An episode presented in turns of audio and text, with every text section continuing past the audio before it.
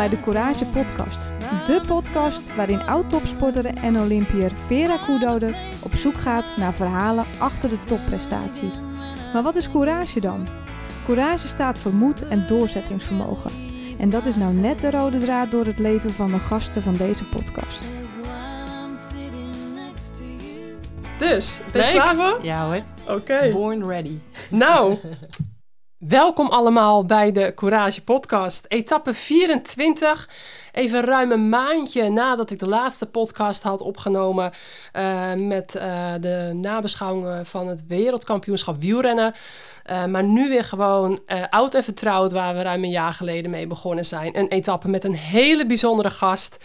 Ehm, heel veel vrouwenwielrennen gedaan dit seizoen. Maar ook, ik kijk er enorm naar uit om nu weer gewoon even een normale etappe te draaien. En niemand minder dan Janneke van der Meulen is hier bij me op bezoek in onze podcaststudio in Grotebroek. En welkom Janneke, hartstikke leuk dat je er bent.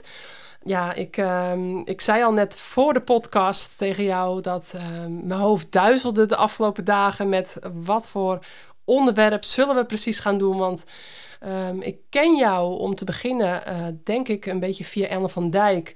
Ehm, daar zijn we een keertje samen op verjaardag geweest, herinner ik me. Ergens omstreeks, 2019 of zo. En Ellen die zei een keer, want we hebben regelmatig hoogtestages samen gedaan. Dan lig je heel veel uren op een kamer. En die zei, ja, ik vind jou zo op iemand lijken die ik ken.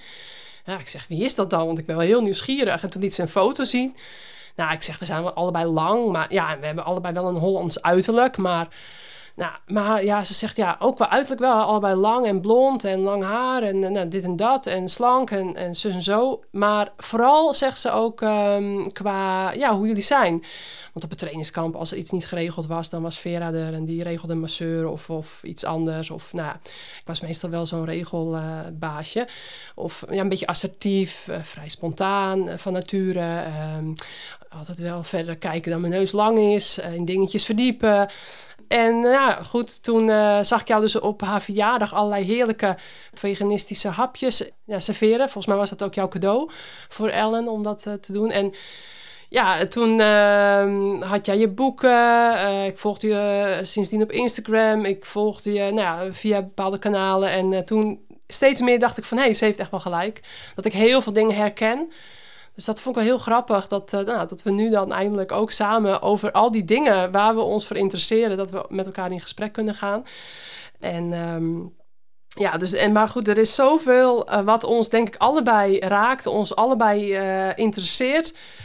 Dat we ehm, hadden gezegd ook van tevoren, nou, we kiezen gewoon een paar dingen uit. Nou, en in deze podcast ehm, is het eigenlijk hoofdzakelijk de doelgroep voor de jonge topsporter, talenten van de toekomst. En daarnaast eigenlijk nou, iedereen die om zijn gezondheid geeft, heel simpel. Eh, en dat wij, Janneke en Vera, allebei eh, topsport gedaan. Jij roeien, ik wielrennen, jij ook zwemmen trouwens. Ik ook schaatsen. Dus we hebben allebei vanaf jongs af aan eh, eigenlijk topsport gedaan. Hoe wij als, ehm, als tieners, twintigers eigenlijk... Wat hadden we toen anders kunnen doen met de wetenschap van nu? En dat we daar eigenlijk nu voor, nu, voor deze podcast op ingaan. Ehm, hoe hadden we onze topsportcarrière nog beter eigenlijk kunnen doen? Met wat we nu als dertigers allemaal weten. Want jij bent van eh, 4 november eh, 1986.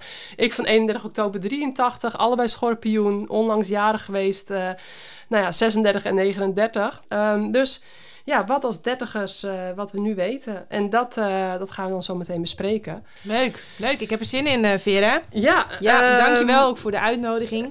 Op deze prachtige plek. Heel leuk. Ik ga je nog even een klein beetje verder introduceren voor de mensen, ook de, ook de wielerliefhebbers die de Courage podcast allemaal kennen, maar ook de mensen die jou nog niet echt kennen. VWO gedaan, in 2011 de Master Finance and Investments, eh, de Master Human Resource Management aan de Universiteit eh, in Rotterdam. Tijdens je studie gaf je bijles in de vakken wiskunde en de statistiek. Heel iets anders dan wat je daarna bent gaan doen. Eh, je werkte onder andere bij het ministerie van Economische Zaken. Je studeerde af bij de SNS-bank. Je werkte mee aan grote onderzoeksprojecten. Daar leerde je hoe je de bewijskracht van wetenschappelijke onderzoeken beoordeeld kreeg. En hoe je de resultaten daarvan kon implementeren in de praktijk. Ja. De studie heb je altijd gecombineerd met verschillende bijbanen en commissies. En met eh, topsport en roeien. een van de lichamelijk zwaarste sporten die er is. Ik denk naast wielrennen en langlopen. Nou ja, en uh, vanaf 2007 roeien al. Uh, vroeger heel veel gezwommen op topniveau. Je behaalde meerdere internationale successen. In 2018 werd je wereldkampioen kustroeien. 2022 ook. Ja, onlangs nog. Een maandje geleden. Want daarom, geleden, ja, in Wales. Daarom, in Wales, ja. ja. En uh, daarom uh, nu in, dat we in november... wat is het vandaag? 11 november natuurlijk, zit Maarten straks. ja, konden gaan opnemen. Uh, afgelopen maanden heel druk geweest met de EK en WK. En uh, krachttrainen doe je voornamelijk mountainbiken, hardlopen, uh, op de racefiets, pilates, en uh, nou ja, ijsbaden, uh, wandelen. Nou ja. En dan vergeet je misschien nog wel het belangrijkste. Dat is de boeken die ik schrijf. Ja, nee, ja, dat was, oh, dat was je nog niet. Nee, dat was ik ook ik zal, sorry, sorry. ik ga achteroverleunen ja. ik laat jou lekker vertellen. Ja, nee, ik laat jou straks heel lang aan het woord. Maar uh, nee, je hebt zoveel gedaan. Eh, na de studie werkte je nog voor Shell. Ja. je schreef toen, daarna eigenlijk het boek Supersnel Herstel, Voeding voor Succes. Uh, je eet vooral biologisch fruit. Je vult dit aan met uh, bladgroen, kruiden, kiemen, groenten, zeewier en andere planten. Het win-win dieet noem je dat natuurlijk. Uh, daar staat het echt wel bekend om.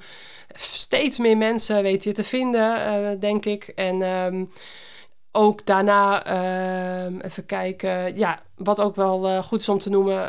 je bent samen met een andere ex-topsporter, Mitchell Steeman.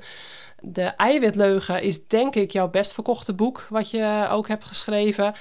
Ja, Eet Win-Win heb ik zelf hier ook. Met de eiwitleugen uh, heb ik hier staan. En um, daar staan zoveel herkenbare dingen in. Dus uh, daarom duizelde het me ook de hele tijd, omdat er zijn zoveel facetten in het leven waar jij je voor interesseert. En wat dus, ja, ik denk de iets wat bewustere moeder of vrouw of, of, of topsporter of sporter of, of iemand die zijn gezondheid belangrijk vindt.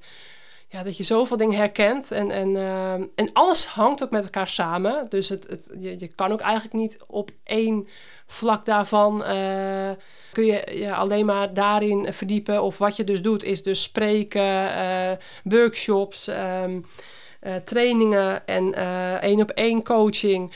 Nou ja, dus dan, dan is het ook wel heel belangrijk. Dat is denk ik jouw kracht, als ik het zo een beetje zie.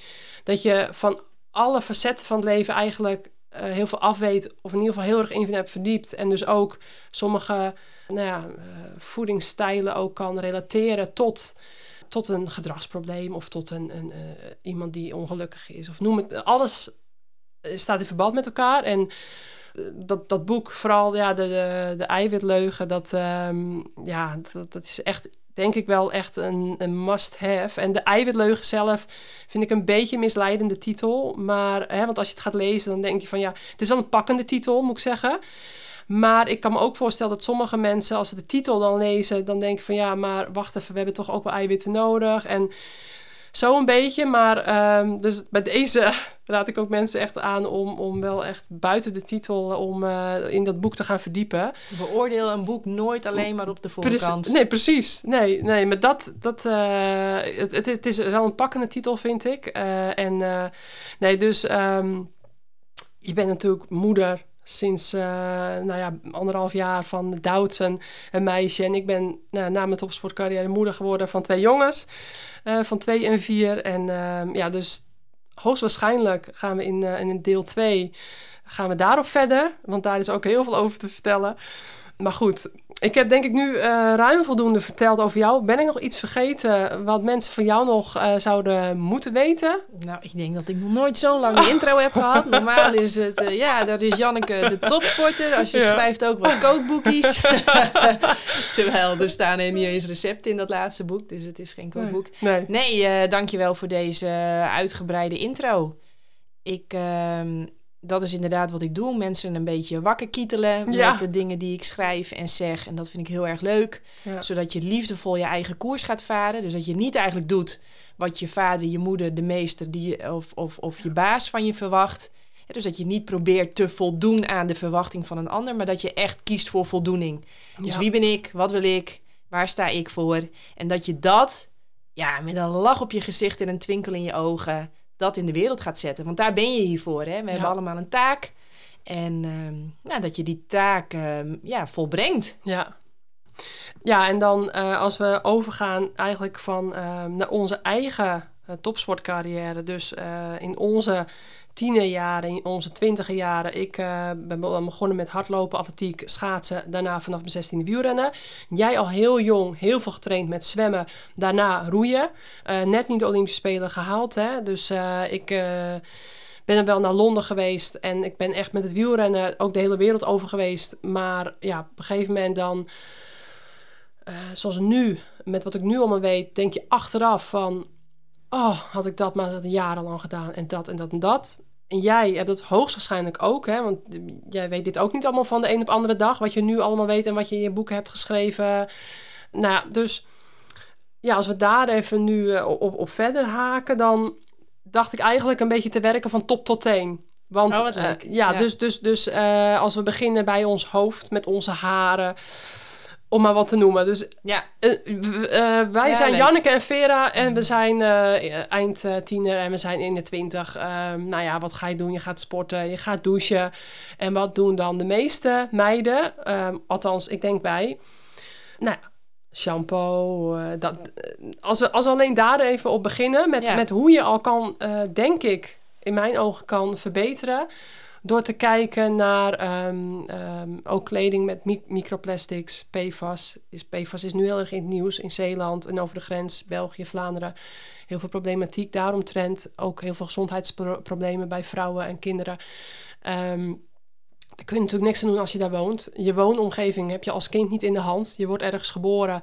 Uh, in, de, in de stad heb je fijnstof. Op het platteland heb je de gifstof op het land van de boeren. Dus uh, ja, dan zou ik zeggen... Ik heb zes jaar in Apeldoorn gewoond. Lijkt mij dan het ideaalste in de bossen... of aan de bosrand...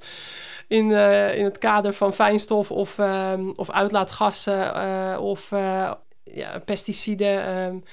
Ja, maar landbouw. ik zeg altijd, er zijn heel veel dingen die je niet in de hand hebt. Precies, hè? dat exogene gifstoffen, oftewel gifstoffen van buitenaf. Ja. Maar er zijn zo ongelooflijk veel dingen die je wel in de hand hebt. Precies. En het is leuk uh, tenminste, ik heb daar altijd met een lach op mijn gezicht een spelletje van gemaakt. Van hoe kun je dat optimaliseren? Ja. En jij zei, nou, we beginnen bij het hoofd. Nou, dan Ja. heb ik ook direct, daar zit ook je mond. Ja, En, Ja. voor een topsporter, maar voor iedereen die leeft, is het gewoon super belangrijk wat voor brandstof geef je eigenlijk je eigen machine. ja, En ehm, ik, mij is als topsporter heel lang wijsgemaakt dat het voor optimaal presteren heel erg belangrijk is om vooral heel veel te focussen op eiwitten. ja, Hè, eiwitten voor spierherstel. En ze hebben het zelfs nu al zo geframed dat ook voor duursporters, hè, denk aan de wielrenner en de hardloper en de triatleet, dat ook die juist misschien nog wel meer eiwitten nodig heeft.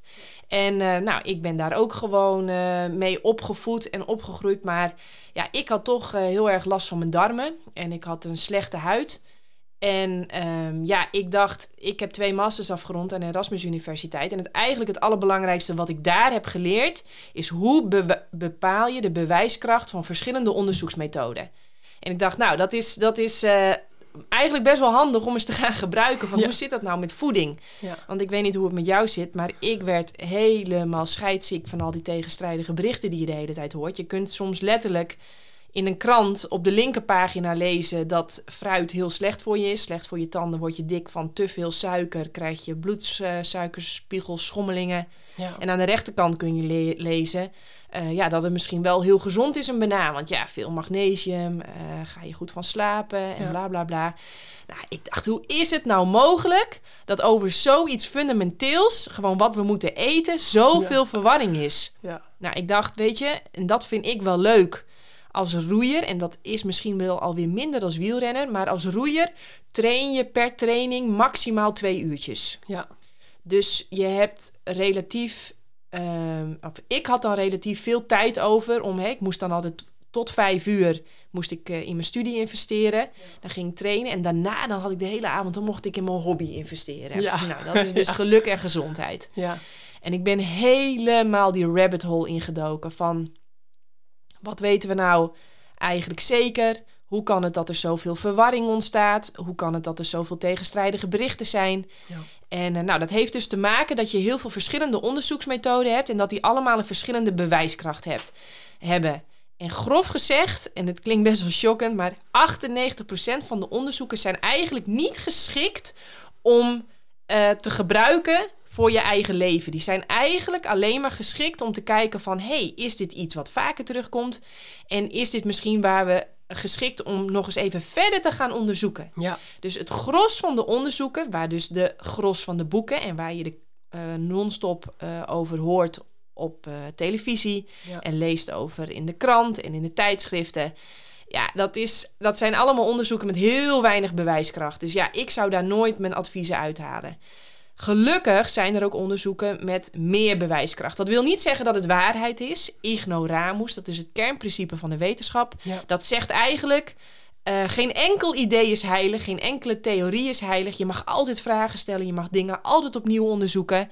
En die openheid van geest en die bereidheid om open te staan voor nieuwe dingen, nieuwe informatie en ook de openheid om jezelf steeds te challengen van is dit ook nu zo en klopt dit ook nu? Dat Ja. is eigenlijk waar wetenschap voor staat. Hè? Dus heel veel mensen denken wetenschap, dat is de waarheid en Ja. zo moet het. Ja. Nee, wetenschap is niks anders dan het hebben van een onderzoekende mindset. En dat je eigenlijk tegen de ander durft te zeggen: Ik heb liever dat jij je waarheid spreekt, hoe oneens ik het er ook mee ben, dan dat je je stilhoudt. Nou, dat is natuurlijk vandaag de dag. We zijn zo tolerant dat als jij het niet Ja. eens bent met mij, dan eh, worden we ineens heel boos. Ja. Hè, dus het is helemaal omgedraaid. ja. In plaats van eh, dat, dat, eh, dat accepteren. Ja, Ja, en dat we klopt. nieuwsgierig zijn naar elkaar, Ja. moeten we nu vandaag de dag allemaal hetzelfde denken. Ja, nee, ik hoop juist dat we straks nog een discussiepunt gaan krijgen. Want als ik dus de boeken lees of je podcast luister, dan ben ik het, ja, echt, echt, denk ik, bijna, nou ja, echt, volgens mij altijd ben je met je eens. Dus, maar dat is juist leuk, vind ik. Maar goed, ga verder. Nou ja, als je dus, dus, dus, dus, die wetenschap, hè, daar gaat het dus om dat je open bent van mind en dat je Ja. onderzoekend bent, nieuwsgierig. Ja. Dus dat je kijkt. ehm, en we hebben dus in de onderzoekswereld hebben we twee typen onderzoeken. Dat noem je de meta-analyse en review. Dat zijn de onderzoeken. Hè, meta, het woord zegt het ook al, groot. Dat zijn eigenlijk onderzoeken op basis van onderzoeken. En dan gebruik je de kracht van de grote getallen. En wat heb ik gedaan? Ik heb al die meta-analyses en reviews uit de peer-reviewed magazines. Die heb ik op een rijtje gezet. Wat komt er nou al 130 jaar lang consequent naar voren als het optimale dieet voor de mens? Ja, Nou, en dat was echt eh, voor mij echt een hartverwarmend. Want het is, wat daaruit komt, is iets wat mensen instinctief heel graag eten. Mhm. Maar het staat echt haaks op wat je non-stop hoort. ja, Maar ik ontdekte er dus dat er all over the world, als mensen deze vijf dingen iedere dag eten, nou dan, dan worden ze in een hele goede conditie eh, fit en vrolijk tot op zeer hoge leeftijd. En zelfs vaker ouder dan 100. ja. Nou, en er zijn heel veel mensen die zeggen, nou ik heb helemaal geen interesse om ouder te worden dan 100. En waarom is dat zo? Omdat ja, de meeste oude mensen die zitten met hun neus in de koffie te roeren en in hun pamper te pruttelen. Maar wat nou als je tot op zeer hoge leeftijd met je kleinkinderen kunt spelen? Dan Ja. wordt het natuurlijk wel interessant. ja. Dus ik heb helemaal gekeken, wat hebben die mensen? Wat doen die mensen? Eh, hè, wat hebben dus nou mensen die gezondheid hebben op alle fronten? Nou, en het, als je kijkt naar hun dieet, dan is het allerbelangrijkste wat zij iedere dag in grote hoeveelheden eten, is fruit. ja. Wij zijn echte fruiteters. Dus onze natuurlijke drang en behoefte naar zoet en sappig en kleurtjes, ja, dat is omdat wij dat echt anatomisch voor zijn ontworpen om dat te eten. Ja, onze Ja. ogen, onze handen, onze tanden, de enzymen in onze mond, de zuur in onze maag, de lengte en de structuur van onze darmen. Wij zijn helemaal ontworpen voor het pl- eh, plukken, spotten Ja, en verteren van fruit. Wij zijn echte fruiteters. ja, Nou, en sinds ik dat dus ook ben gaan toepassen als topsporter. Ja, dat, dat, dat, was echt, dat was echt ongelooflijk. En toen heb ik dus ook dat eerste boek geschre- eh, geschreven. Ja. Supersnel herstel. ja. In Want 2014, hè? ja, 2013 geschreven, 2014 kwam het, eh, kwam het in de wereld. En, dat, en dat, hè, jij had het net ook al over de hoogtestage. Nou, wij gingen ook op hoogtestage, Sierra Nevada. Ja, ja, wij En dan, ook, ja. en dan ja. moesten we met allemaal plakkers en eh meetapparatuur slapen. En ja, je weet natuurlijk nooit zeker of het daarmee te maken heeft. Maar ik was wel altijd degene die als eerste, de eerste nacht al in het groen sliep. Oh ja? En dan denk ik, ja, dat komt denk ik toch door, omdat ik toen al ehm, helemaal eh, eh, veganistisch at. Dus absoluut geen dierlijke producten. Want als ons lichaam ergens een hekel aan heeft, dan is het vis, vlees, zuivel en eieren. Daar zijn wij anatomisch absoluut niet voor ontworpen. Dat is zodra je dat eet, is het pure stress voor je lijf. Ja. En uh, ja, dat was wel heel gaaf om toch dan weer terug te zien. Zo van, ja, is dit nou toeval? Of heeft dit dan toch te maken met hoe ik eet? Dus dat was wel altijd heel erg leuk. Uh, nou ja, iedereen heeft natuurlijk ook Game Changers gezien. En als je dat nog niet hebt gedaan, doen. Ja. Er zit een beetje ja, een Amerikaans sausje overheen. Maar ik heb al die uh, onderzoeken die erachter zitten, heb ik allemaal gecheckt. Ja. En uh, die zijn van goede kwaliteit. Dus ja, laat je niet ehm, uh, uit het veld slaan door dat Amerikaanse sausje wat er overheen zit. Maar doe echt je voordeel ermee. Ja, Ik, ik denk ook heel vaak, want ik heb dit natuurlijk al heel vaak verteld, dit verhaal. Maar als wij als Team NL ja. gaan eten in overeenstemming met onze anatomie, dan zijn we gewoon niet te houden. Nee. Niet te houden. Ja. Maar ja, tot op de dag van vandaag, ook bij het Nederlands roeiteam, is het eiwitten wat de klok slaat. Dat is natuurlijk niet gek als Campina je hoofdsponsor is. En Wageningen je infiltrant is, die ook weer gesponsord wordt door de voedingsindustrie. Dus het is niet gek, het is logisch. Maar voor onze prestaties zou het denk ik veel slimmer zijn als we gaan eten in overeenstemming met onze anatomie. Ja. En dat is dus voornamelijk fruit. Fruit is echt onze brandstof en dan maakt het echt niet uit wat je eet. Eet gewoon het fruit wat jij lekker vindt en wat voorhanden is en waar je makkelijk in grote hoeveelheden aan kunt komen. En vul dat aan met ons medicijn. Ja. En ons medicijn zijn planten. Dus uh, ja, ik eet uh, daarbij bladgroen, kruiden, kiemen, zeewier, je noemde het net al op, en overige planten. En uh, ja, wat dat doet met je herstel en met je energie en ja. met je vrolijkheid en met de kwaliteit van je darmen, waardoor ook je immuunsysteem weer veel beter is. Ja, dat is fantastisch. Dat ja. is echt fantastisch. Ja, dat had ik graag eerder willen weten. Ik heb vroeger dus veel last gehad van mijn darmen. Um, ik had ook altijd erg veel spierpijn na het krachttrainen. Ja. Lang en veel spierpijn. Ja. En uh, nog maar meer eiwitten en nog maar meer kwark en nog maar, want ik dacht, ja, dan heb ik misschien te weinig. Nou, en toen ik daar dus helemaal vanaf ben gestapt, ja. uh, was ook die spierpijn ineens als sneeuw, van de zon, uh, als sneeuw voor de zon verdwenen. Kon ik veel meer trainen, veel harder trainen, veel vaker trainen. Nee, het is echt, Bizar, ja, echt fantastisch. Echt ben ik zo blij met die ontdekking. Mijn huid werd veel beter. Uh, mijn doorbloeding werd veel beter. Ik kon wel eens last hebben uh, van koude handen en koude voeten en zo. Nou, ben ik ook helemaal van af. Uh, ik had veel last van mijn darmen. Dat is ook echt. Ik heb nu inmiddels Olympische poep. Ja, ze vechten bij de. Vegen. Ja, poepen zonder vegen kan ik. Hè. Dat wordt jou natuurlijk ook gevraagd van Janneke, op welke sportprestatie ben je nou het meest trots? en dan denk ik altijd, ja, ik ben veel trotser op het feit dat ik ja. kan poepen zonder vegen. Als ik, en ik moet zeggen, als, het dus, als, als ik dat dus soms heb, dan denk je aan mij. Ik... Ja, dan ben je niet de enige. Ja. maar het is, het is eigenlijk de bedoeling dat je dat altijd, altijd hebt. Net als alle andere dieren. Ik heb het niet altijd, nee. Tenzij je als dier in de buurt woont van een mens. Dan ga je vaak ook slecht leven, oh, slecht eten. En dan krijg je snel ook last van je darmen. Ja. Maar als een dier, die eet natuurlijk gewoon in overeenstemming met zijn anatomie. Die weet intuïtief wat hij moet eten. Dan kan hij natuurlijk poepen zonder vegen. Waarom? Ja. als de poep daar blijft hangen, dat is eigenlijk hartstikke slecht. Ja. En uh, dat, of slecht, het is niet slecht, maar het is gevaarlijk in verband met die bacteriën. En die wil je als vrouw, ja. wil je die ook niet aan de, in je, bij dat andere gaatje krijgen, om het even zo te zeggen. Want dan ja. ligt blaasontsteking op de loer en allemaal dat soort dingen. Dus uh, ja, heel trots op dat ik kan poepen zonder vegen. En dat er dus gevochten wordt om mijn poep ja. voor uh, transplantaties. Oh, voor ja. transplantaties. Zo hé. En uh, dus dat is wel grappig. Dus en daar betalen heb... ze geld voor? Ja, dat is niet veel. Oh. Dus uh, ik had aan het begin van dat traject heb ik tegen iedereen gezegd: jongens, jullie gaan lachen, maar nu ga ik gewoon poepend rijk worden. maar je mag geen geld verdienen met lichaams nee? eigen stoffen. Ah, oké. Okay. Dus je krijgt een beetje onkostenvergoeding. Oh, okay. Dus dat, ehm, ja, ja. valt tegen. Helaas.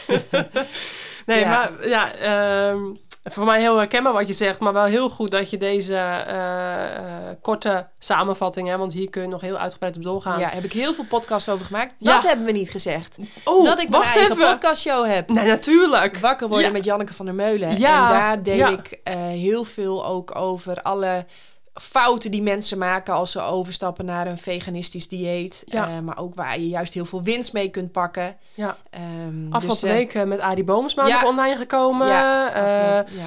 ja, dus je eigen podcastshow. Maar ik denk dat je al een keer of 50 of 80 of 100, ik noem even wat, ben uitgenodigd. Ja. Want ik, ik ben niet de eerste eh, waarbij je als gast eh, bent aangeschoven. Ehm, eh, ook bij die van Giel Belen, Ja. Koekoeroe of zoiets. Koekeroe. Ja, vond ik ook een hele interessante. Ik vond het ook wel leuk dat daar eh, kritische vragen werden Ja. gesteld. En ook Giel, wat Giel eigenlijk doet, dus leuk om die podcast op te zoeken. Die ehm, haalt, ehm, die, die, die eh, betrekt zeg maar de meest, ehm, meest gehoorde adviezen op het gebied van Ja. eh, gezondheid. Dus wat je heel vaak hoort is bijvoorbeeld dat sinaasappelsap heel slecht is en dat je geen, niet te veel smoothies moet drinken. Ja, En dan zegt hij, vraagt hij aan mij van Janneke, hoe denk jij daarover? En dan leg ik dat helemaal ja, uit. precies. Ook het advies om heel veel eiwitten te eten. Het werkt echt averechts. Ja. Of eh, kwark en dat soort dingen. Het, het, ik kan er geen, laat ik het anders zeggen. Ik kan er in de betere wetenschap geen bewijs voor vinden. En ook op mijn eigen lijf zie ik echt het resultaat van als Ja. je slim gaat eten. Dat is echt hartstikke leuk. Ja, maar ehm, oké, dus wij, wij zijn de Janneke en Vera van, eh, van Jong. Ja, nou, Eh, ik zou maar- dus maar- ehm, eh, absoluut niet bezuinigen op de hoeveelheid fruit. Maar veel fruit eten. Ja, Eh, dat aanvoelen, aanvullen dus met die bladgroenkruiden, kiemenceewier en overige planten. Overige planten, waar denk je dan aan? Kikkererwten, linzen, zoete aardappel, eh, broccoli, ehm volkoren granen, dat soort dingen. Daar vul je het mee aan. ja, Maar de basis, waar je ook ter wereld bent, en dat vind ik altijd leuk, want ik doe altijd eventjes mijn sokken en mijn ondergoed doe ik in zo'n hele grote, grote IKEA-schaal. Dus waar ik dan ook ter wereld naartoe reis, die gaat mee. En of ik dan in Hongkong ben of in China, in iedere reguliere supermarkt kan ik eigenlijk bijna altijd alles vinden wat nodig is. ja, En ehm, dat vond ik zo leuk. We gingen daar ook in Hongkong waren we. En dan moest je echt onder de grond voor een supermarkt. Maar ik had binnen no time de top 5 weer bij elkaar verzameld. ja. Dat vind ik dan toch leuk. Want, Ja. En op mijn hotelkamer eh, maken we dan een hup, hup, hup. Zo'n eh, win-win salade noem ik dat dan. Ja, dat is toch echt een aardigheid hoor. Als je, als je wat je eet je energie geeft. Ja. En ik kan me nog goed herinneren van vroeger. Dan had je echt maaltijden soms die kostten je energie. Dan moest je echt uitbuiken. Je kakte in. Oh, je moest even op de bank. Poeh. Je had Ja. geen zin om te trainen. ja. Want ja, dat verteren, dat eiste gewoon zoveel energie op. Ja, en tegenwoordig met, met het win-win dieet, dat eten, dat geeft je energie. Dus ja, als je gegeten hebt en iemand zegt, nou, eh, zullen we? Ja hoor, dan gaan we. ja. Dus tot op de dag van vandaag train ik zes dagen per week, twee keer per dag. En eh, ja, dat gaat super. En Ja. ik, wat ik ook fascinerend vind, maar dan gaan we in je andere podcast... eh, dat, dat, nou, borstvoeding eh, Ja. kan een weeshuis voeden, zowat. ja. Dat is toch leuk. Toch leuk. Ja. En, ja. Nee, maar ehm, eh, even aanhakend. Kijk, ik kan me ook voorstellen, jij had ook darmproblemen. En dan, dan, dan eh, als je een beetje ehm, een trigger hebt. een trigger hebt, dan... Pijn dan is de katalysator voor groei. Dat ja, klopt. precies. Maar, maar er zijn natuurlijk ook heel veel sporters die hebben een fijne huid. Die hebben nergens last van. Althans, denken ze. Of die hebben tenminste geen grote lichamelijke klachten. Snap je wat ik bedoel? Nou, Dus- ik denk dat het anders is. Ik denk dat het genormaliseerd is vandaag de dag. Omdat het normaal is dat je veegt na het poepen. Dat het normaal Ja. is dat je regelmatig koppijn hebt. Dat het normaal is dat je best wel lang spierpijn hebt na het krachttrainen. Dat het normaal is dat je iedere maand als je ongesteld wordt als een cashewnoot op je bed ligt. Ja. Eh, dat het normaal is dat je als puber onder de pukkel zit.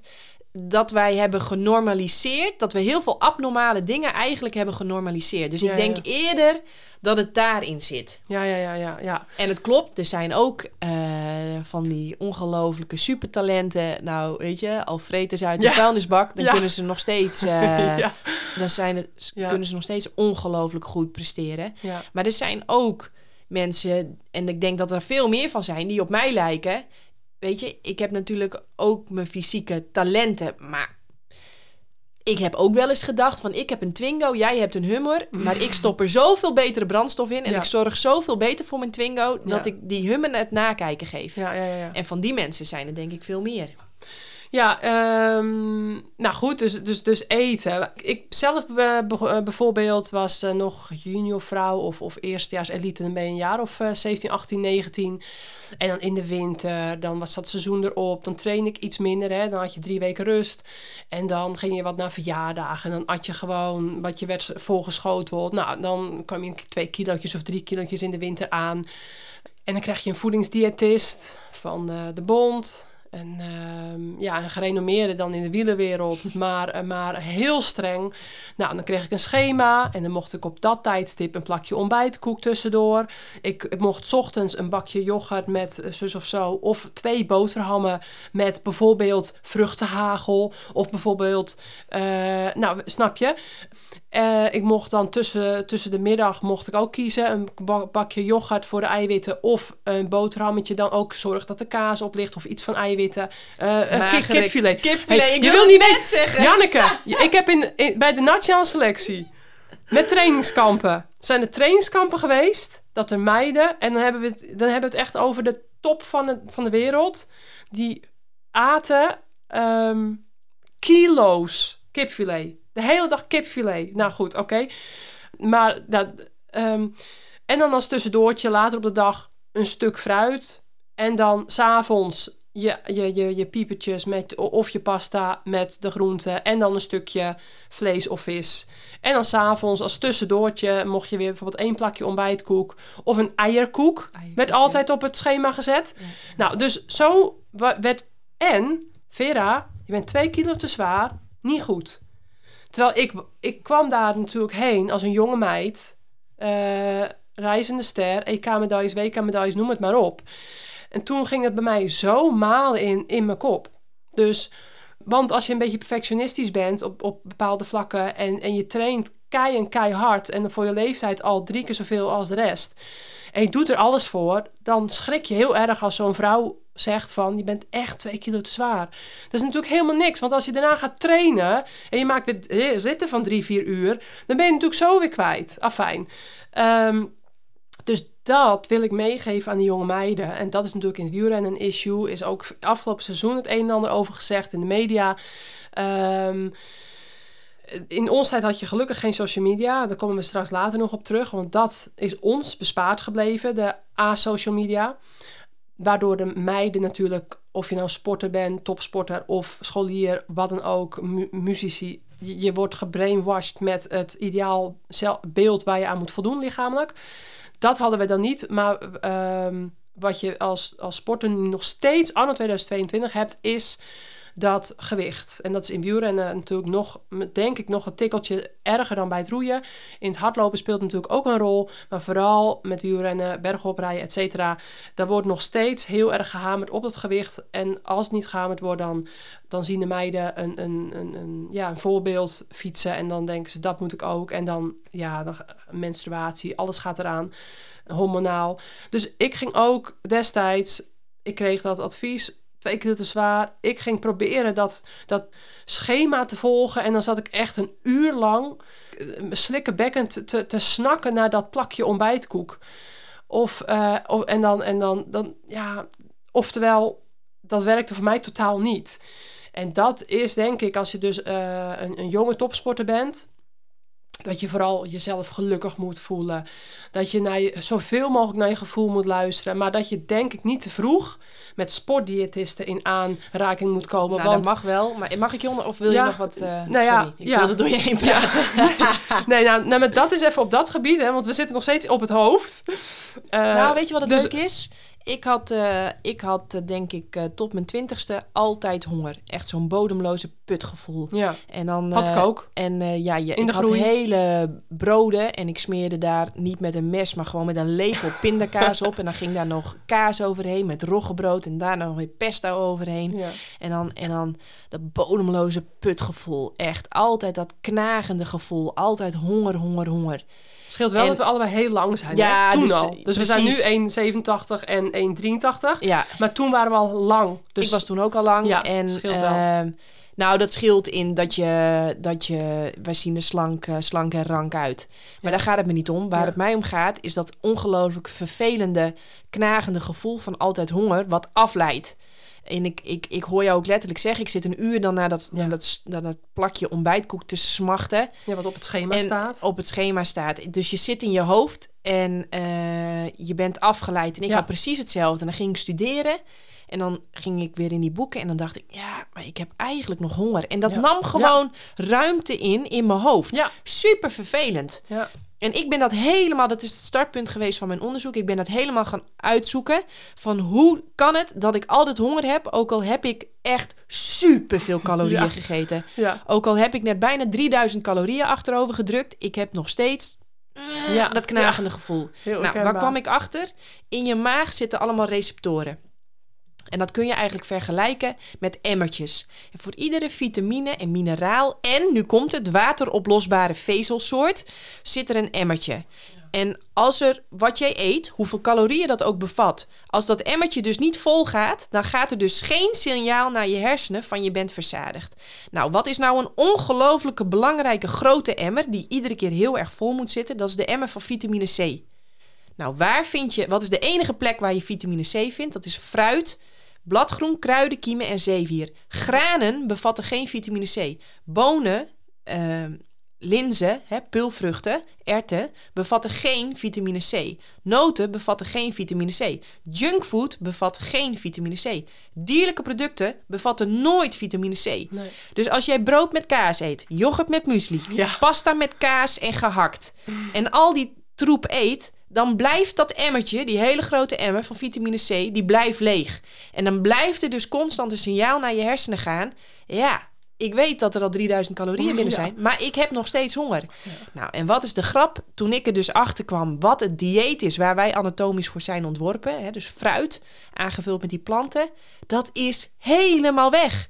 Ik eet een lekkere, grote, goed vullende smoothie of salade. En dan heb ik het niet oh, een salade met wat blaadjes sla en wat, wat, wat kip en tonijn en ei of zo. Nee, ik heb het echt over een goed vullende maaltijdsalade waar ik zelfs de meeste mannen echt helemaal mee inpak. En die zeggen, Janneke, mogen we weer zo'n win-win salade? Ja.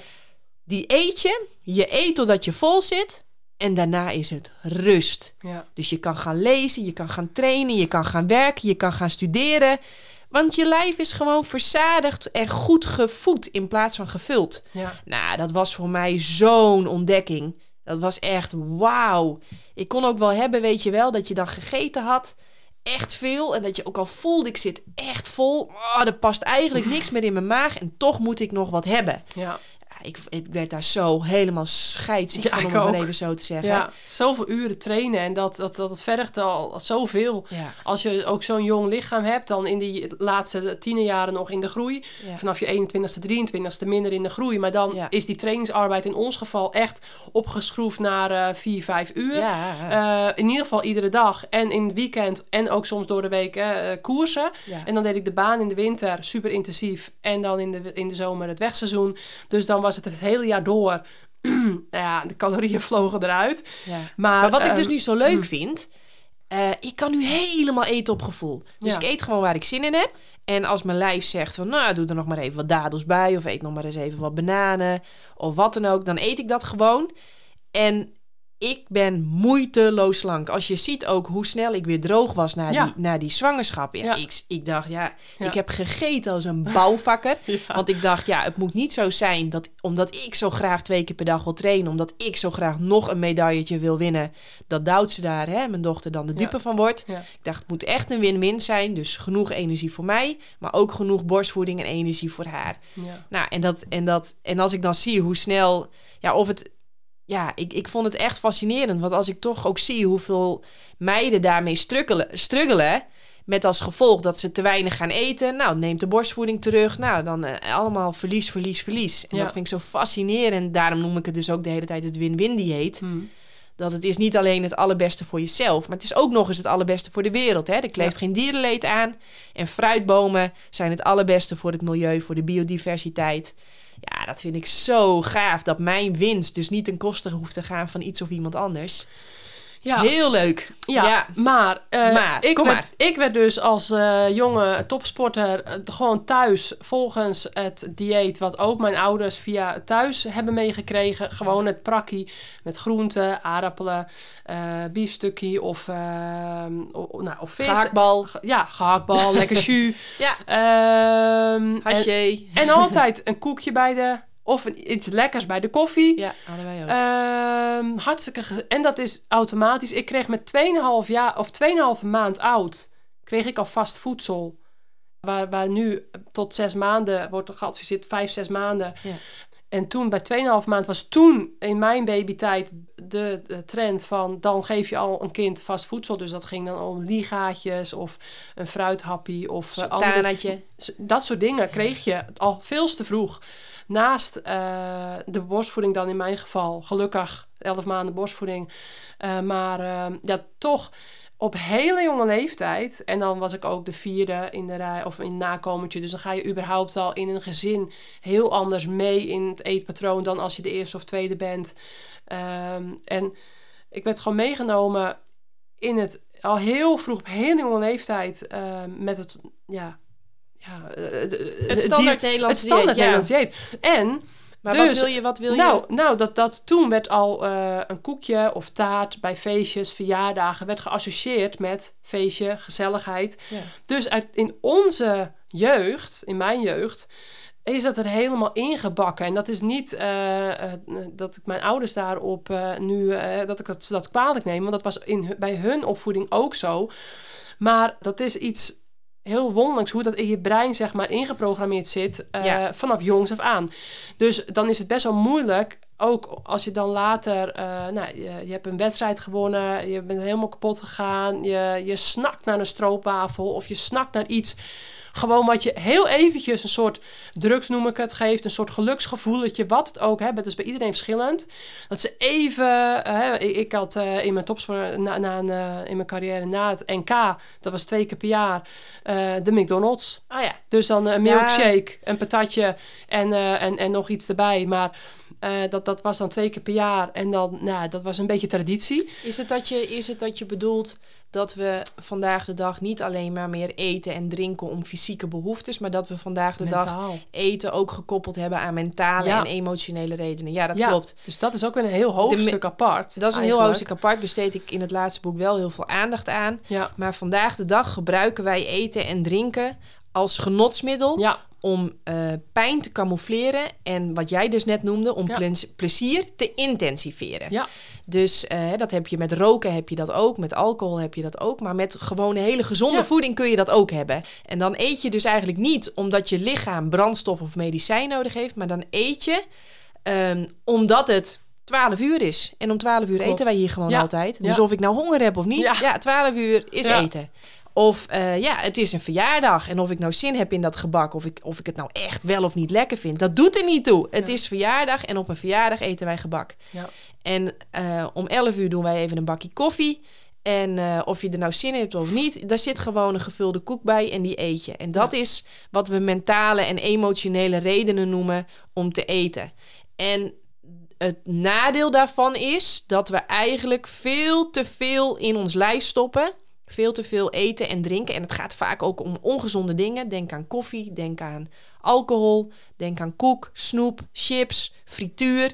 Dat zijn eigenlijk de dingen die we gaan, vaak gaan eten om, fysiek, eh, om mentale en emotionele redenen. ja. En daar belast je je lichaam gewoon heel erg mee. Met als gevolg dat je vaak zwaarder bent dan je eigenlijk zou moeten zijn. Dat je. Ja, eh, die vertering kost ook heel veel energie. Dus dat zijn nou echt typisch van die maaltijden. Daar krijg je koppijn van. eh daar word je traag van. eh, boe, het zuigt de energie uit je lijf. Dat, eh, Ja. dat, volgens mij bedoelde je dat te zeggen, toch? Ja, en dat dat gekoppeld zit. En dat het daarom ook, als je op een gegeven moment dus ehm, heel vaak die disbalans krijgt met calorieën. Als je dus topsport al op jonge leeftijd doet. eh, en nog in de groei zit. En dat je dus dan, dat merkte ik heel erg. Heel vaak van die, van die dips kreeg. Dus eh, als je niet die vele uren iedere dag traint, dan kun je het ook wat betreft die, die voeding even, ja, toch iets meer reguleren, eh, reguleren. En als je dus eigenlijk uh, zoveel extra's nodig hebt. Dan, ja, je krijgt gewoon um, veel meer die, die schommelingen. Dat, en, en, en dat vind ik dus. Wat... Nou, volgens mij, wat ik je hoor zeggen, maar corrigeer me als het niet klopt, is um, dat je door zo'n schema. Ja. En dat iemand anders voor jou gaat bepalen wat en wanneer je mag eten, raak je eigenlijk uit connectie met je lijf. Juist, dus je ja. leert voelen, leer je af. En uh, je gaat eten vanuit je hoofd. Nou, Ja. je hoofd is een hartstikke prachtig fenomeen. Maar ehm, voor, voor optimale gezondheid, fysiek en mentaal, moet je ook heel goed kunnen voelen. Ja, En dus je moet echt voelen van waar dien ik nou mijn lichaam mee? Waar kan ik het nou echt goed mee helpen? En wat ik ook terug hoor in je verhaal, en corrigeer me weer als het niet goed is, bij jou werd eh, voeding ook een soort van verboden vrucht. ja, Dus als ik echt in training ben, op weg naar een wedstrijd, dan wil ik eigenlijk heel graag een stroopwafel eten. Ik wil heel graag, nou of na, na een overwinning of iets om te belonen, zeg maar. ja, ik wil dat eigenlijk heel graag eten, maar dat mag niet. Want Ja. ja, ik ben eigenlijk iets te zwaar en dat past niet in het schema. Maar als dan die wedstrijd voorbij, ja dan, hè, en dan ga je ook niet één stroopwafel nemen. Nee, je frapt misschien wel het Ja. hele pak op. Ja hoor. Want ja. precies. Dat is wat je met die schommelingen Ja. bedoelt, toch? Ja. Ja, oké, dan heb ik het goed gehoord. En dat, dat, dat, dat, dat zie je vandaag de dag heel veel. We ontzeggen onszelf van alles. Terwijl wat ik doe, ik zeg altijd tegen mijn lijf... geef maar aan waar ik je mee kan helpen. Dus zeg maar waar je echt zin in hebt, hoeveel je wil, waar je dat wil, wanneer je dat wil. Alles mag, alles kan. Ja. En dan ga ik echt voelen. Dus ik heb ook geen verboden vruchten. Hè, dus ik eet veganistisch. Niet omdat ik geen dierlijke producten mag eten. Hmm. Ik mag zoveel eten als ik wil. Maar ik voel dat, ik, dat me dat niet dient. Nee. Dat ik op korte en lange termijn... word ik daar geen vrolijker en beter mens van. nee, maar dat is een hele Dus goede tip. Naar dus die jonge sporters. Omdat die dus van de coach of van de sportdiëtist of, of het voedingscentrum of noem het maar op. Juist dat advies krijgen van dit en dit moet je idealiter eten. Ja. En, en daar klampen ze zich dan aan vast. Want dan denken ze, dan hebben we het optimaal. Dus dat is denk ik de tip voor jonge eh, topsporters. Probeer al hoe jong je ook bent, eh, van buitenaf zoveel mogelijk toch. Probeer je eigen pad te volgen, je eigen gevoel al heel jong, wat ze ook tegen je zeggen. Dus, Ja, dus- maar dan ga ik ook weer door je heen ja, praten. ja, doe maar. Ja, graag. Want dat voelen, dat raakt heel erg verstoord met allemaal onnatuurlijke producten in je dieet. Als jij eigenlijk de hele tijd eh, vlees, vis, zuivel, eieren, eh, junkfood... Ik bedoel, aan mij zijn ook winegums geadviseerd. Oh, je mij ook. Ja, ja, ja. ja. En eierkoeken en weet Ja. ik veel allemaal wat voor troep. Je Ja. moet je wel voorstellen dat je lijf, dat is echt... Nou, ik, ik, ik ben er bijna verliefd op zo'n prachtige machine is dat. Die helemaal... Als je dat de hele tijd drugs ingooit, zoals ik dat vergif, Ja. vulling in plaats van voeding, dan raakt dat wel een beetje verstoord. Ja. Dus ik denk wel dat stap 1 altijd is: probeer gewoon weer in overeenstemming te gaan eten met je anatomie. Dus ga gewoon iets meer fruit eten, Ja. iets meer bladgroen, iets meer groene smoothies. Eh, iets meer kruiden, iets meer kiemen, iets meer zeewier. Dus ga vooral hele gezonde, goede dingen toevoegen. Ja. Nou, en het leuke is dan, dan gaan er automatisch gaan er al wat ongezonde dingen afvallen. Ja. En zo ga je langzaam ga je naar je eh, dieet waar eh, helaas, we zijn al eenmaal allemaal dezelfde diersoort, dus waar jij en ik allemaal voor ontworpen zijn. Daar ga je langzaam naartoe. Dan gaan er ongezonde dingen gaan er afvallen. Dan gaat die balans in je lijf gaat herstellen. En dan zul je ook merken dat je steeds beter kunt voelen. Ja. En steeds beter. Dus, dus ja, dat. Ja, hele goeie.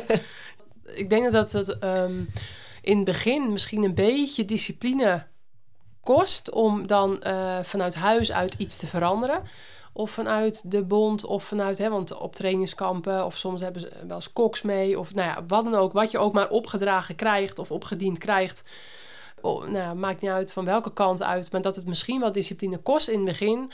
Maar dat je op een gegeven moment, wat jij net allemaal benoemt, dat dat dan eh, eruit gaat voortvloeien. Ja. Ehm, Nou, ehm, daar ga ik dan ook direct nog maar wat over zeggen. Als jij verandert, wij zijn een diersoort en sommige mensen beweren dat dat te maken heeft met ons reptiele brein.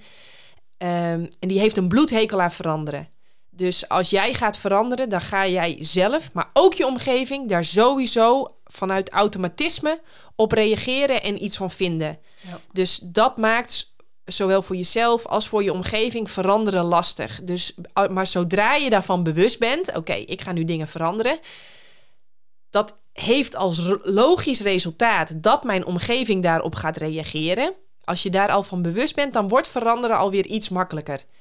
Uh, maar als je dit gaat doen en helemaal gaat eten zoals ik deed, oh, dat is, dan ben je per definitie een pionier. Dan ben je per definitie iemand die voorop loopt, fiets of roeit. Eventjes, hè. Je, mhm. En dan vang je gewoon wind. Nou, en volgens mij, eh, die meid heb je misschien ook wel al in je uh, podcast gehad. Maar als je voorop loopt in de kudde, ja, dan heb je meer uitzicht, maar je vangt ook meer wind. Als je achteraan loopt in de kudde, dan vang je minder wind, maar je loopt wel in de stront van je voorgangers. Dus het is altijd betalen moet je. Maar iedere keuze die je maakt, daar betaal je een prijs voor. Ja. En als je daarvan bewust bent van oké, als pionier, dat heeft heel veel voordelen. Namelijk dat je gezonder eet, veel meer energie hebt, sneller herstelt. Maar het heeft ook nadelen. En daar moet je wel bewust van zijn. Ja. Het is niet alleen maar roze geur en maneschijn. Dat is niks hier op de wereld. Dat is niks. Nee, dat is niks. Nee, en dat moet ook. Ja. Dat is ook belangrijk, want vanuit die chaos...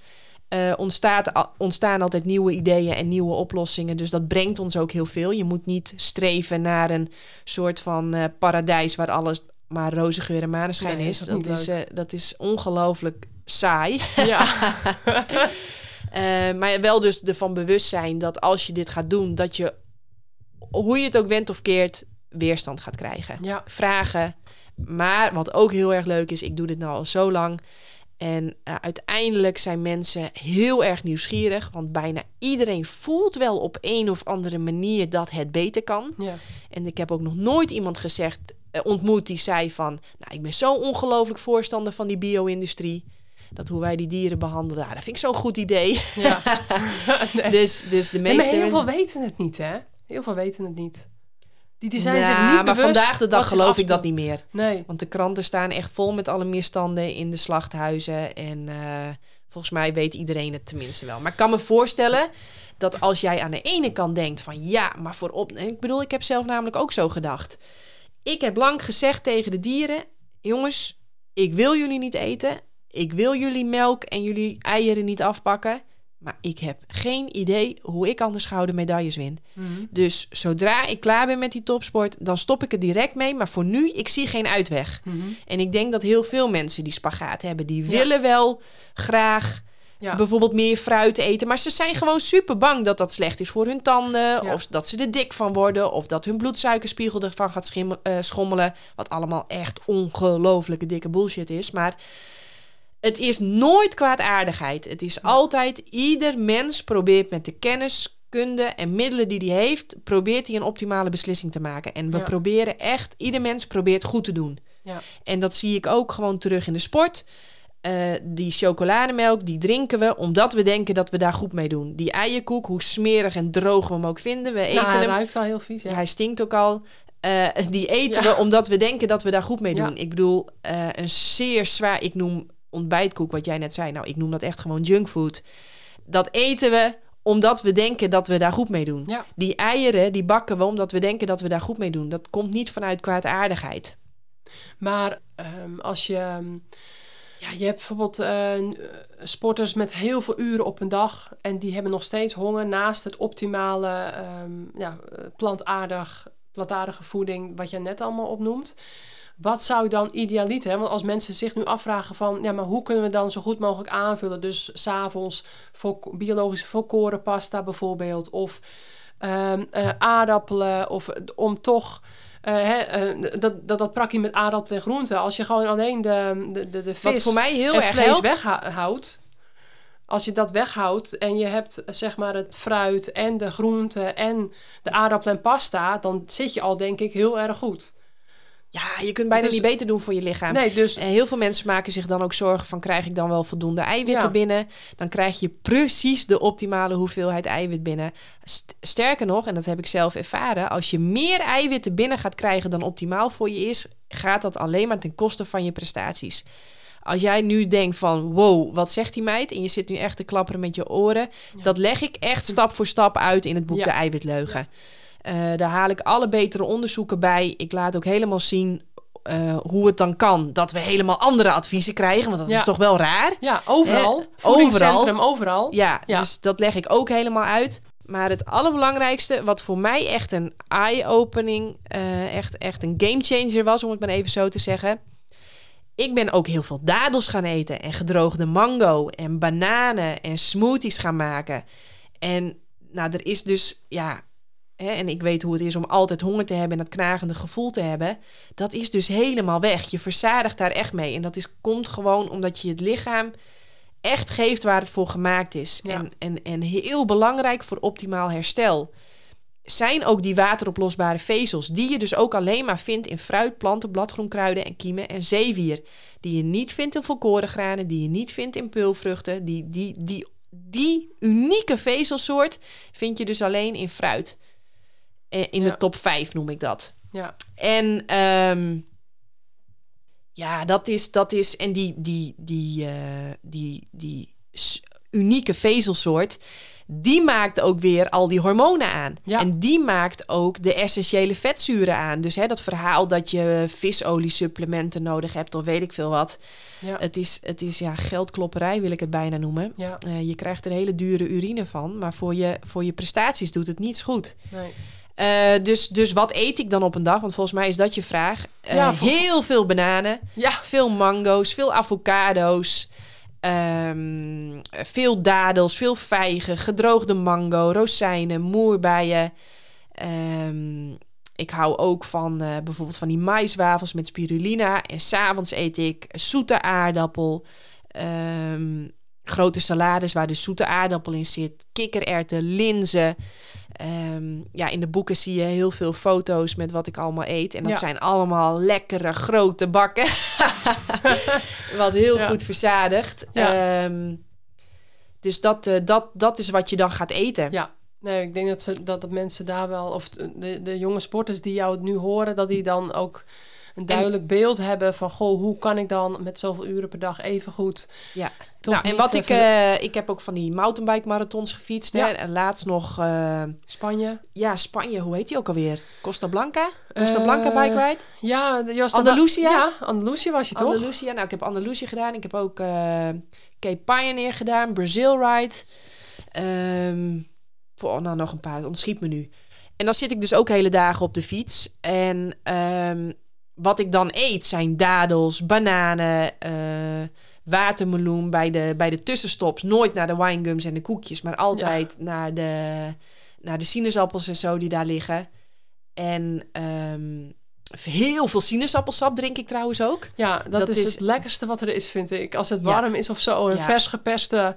Vers Sinaasappelsap. sinaasappel- Ja, Ja. daar drink ik ook echt liters van. Nou, ja. als je dokter Google vraagt, dan is dat vloeibaar vergif. Nou, ik kan bijna geen mooier geschenk vinden van moeder Nee. natuur. Ik noem Ja. het ook altijd vloeibaar goud. Ja. Nou, dat drink ik ook echt liters van. En, eh, en, en je hebt tegenwoordig best wel veel eh, raw vegan repen waar je dan, eh, die je dan kunt eten, waar vaak dadels en vijgen en ge- gewoon gedroogd fruit in zit. Ja. En dat werkt als een tierenlier. En eh, ook met dat fietsen. Het is wel grappig, maar ik doe altijd aardig mee. Ja, ik vind het wel grappig, want eh, ik denk sinds mijn veertiende, ja, tot en met de dag van mijn laatste, allerlaatste wedstrijd eh, in 2000, ja, dus eh, van 2019 eh, nog wat tot en met 2016, had ik als eh, eigenlijk als enige eh, habit, dus als enige ehm, ding wat, wat ik echt niet mocht vergeten voor een wedstrijd, een uur voor de wedstrijd, drie kwartier mocht ook, een uur en een kwartier mocht ook, was een banaan. Eén of twee bananen. En dan, eh, als, als ik die vergeten was, dan zorgde ik dus bij een ander team een bietstick een banaan. Dus dat is heel, heel bijzonder. Maar die banaan was echt heilig voor mij. En helemaal dan voor een criterium, eh, bijvoorbeeld eh, waar bij ons van start tot finish geknald werd, dan, eh, ja, dan op die banaan ging ik echt als een raket. Nou, ik eet Ehm, ongeveer soms wel 10, 20 bananen op een dag. Ja, dat is echt... Ik kan geen Ja. beter voer op de planeet vinden. Helemaal als je... En, en dan krijg ik heel vaak... Ja, maar Janneke, jij traint twee keer per dag. En dan ook nog roeien, mountainbiken, racefietsen, strandracen doe ik ook. Ja, Ehm, eh, maar ik zit veel meer stil. En dat is een denkfout. Ja. Je moet het eigenlijk zo vergelijken. Wij hebben een hummer en we rijden er ook heel veel mee. Dus we moeten hem wat vaker tanken. Maar als jij om wat voor reden dan ook. Ik zou niet weten waarom, want het is echt heel belangrijk om veel te bewegen. Maar stel je voor, jij hebt op een of andere manier, uh, je zit te veel. Dat betekent niet dat jij andere brandstof tot je moet nemen. Je eet alleen wat minder. Je tankt alleen wat minder vaak. Maar ook voor mensen die zitten, is het echt ongelooflijk. Uh, heeft het heel veel voordelen om wel echt 10, 15 stuks fruit op een dag te gaan eten. Ja, want er wordt ongeveer drie stuks fruit altijd aanbevolen. Ja, en dat is niet en heel veel mensen denken dat ook het voedingscentrum zegt maximaal drie stuks fruit, maar ook het voedingscentrum zegt minimaal drie stuks fruit om ziekte te voorkomen. Ja. Nou ja, dat uitgangspunt vind ik sowieso al raak, raar. Dat we een advies gaan geven. Ik noem ze dus ook altijd het ondervoedingscentrum. Ja.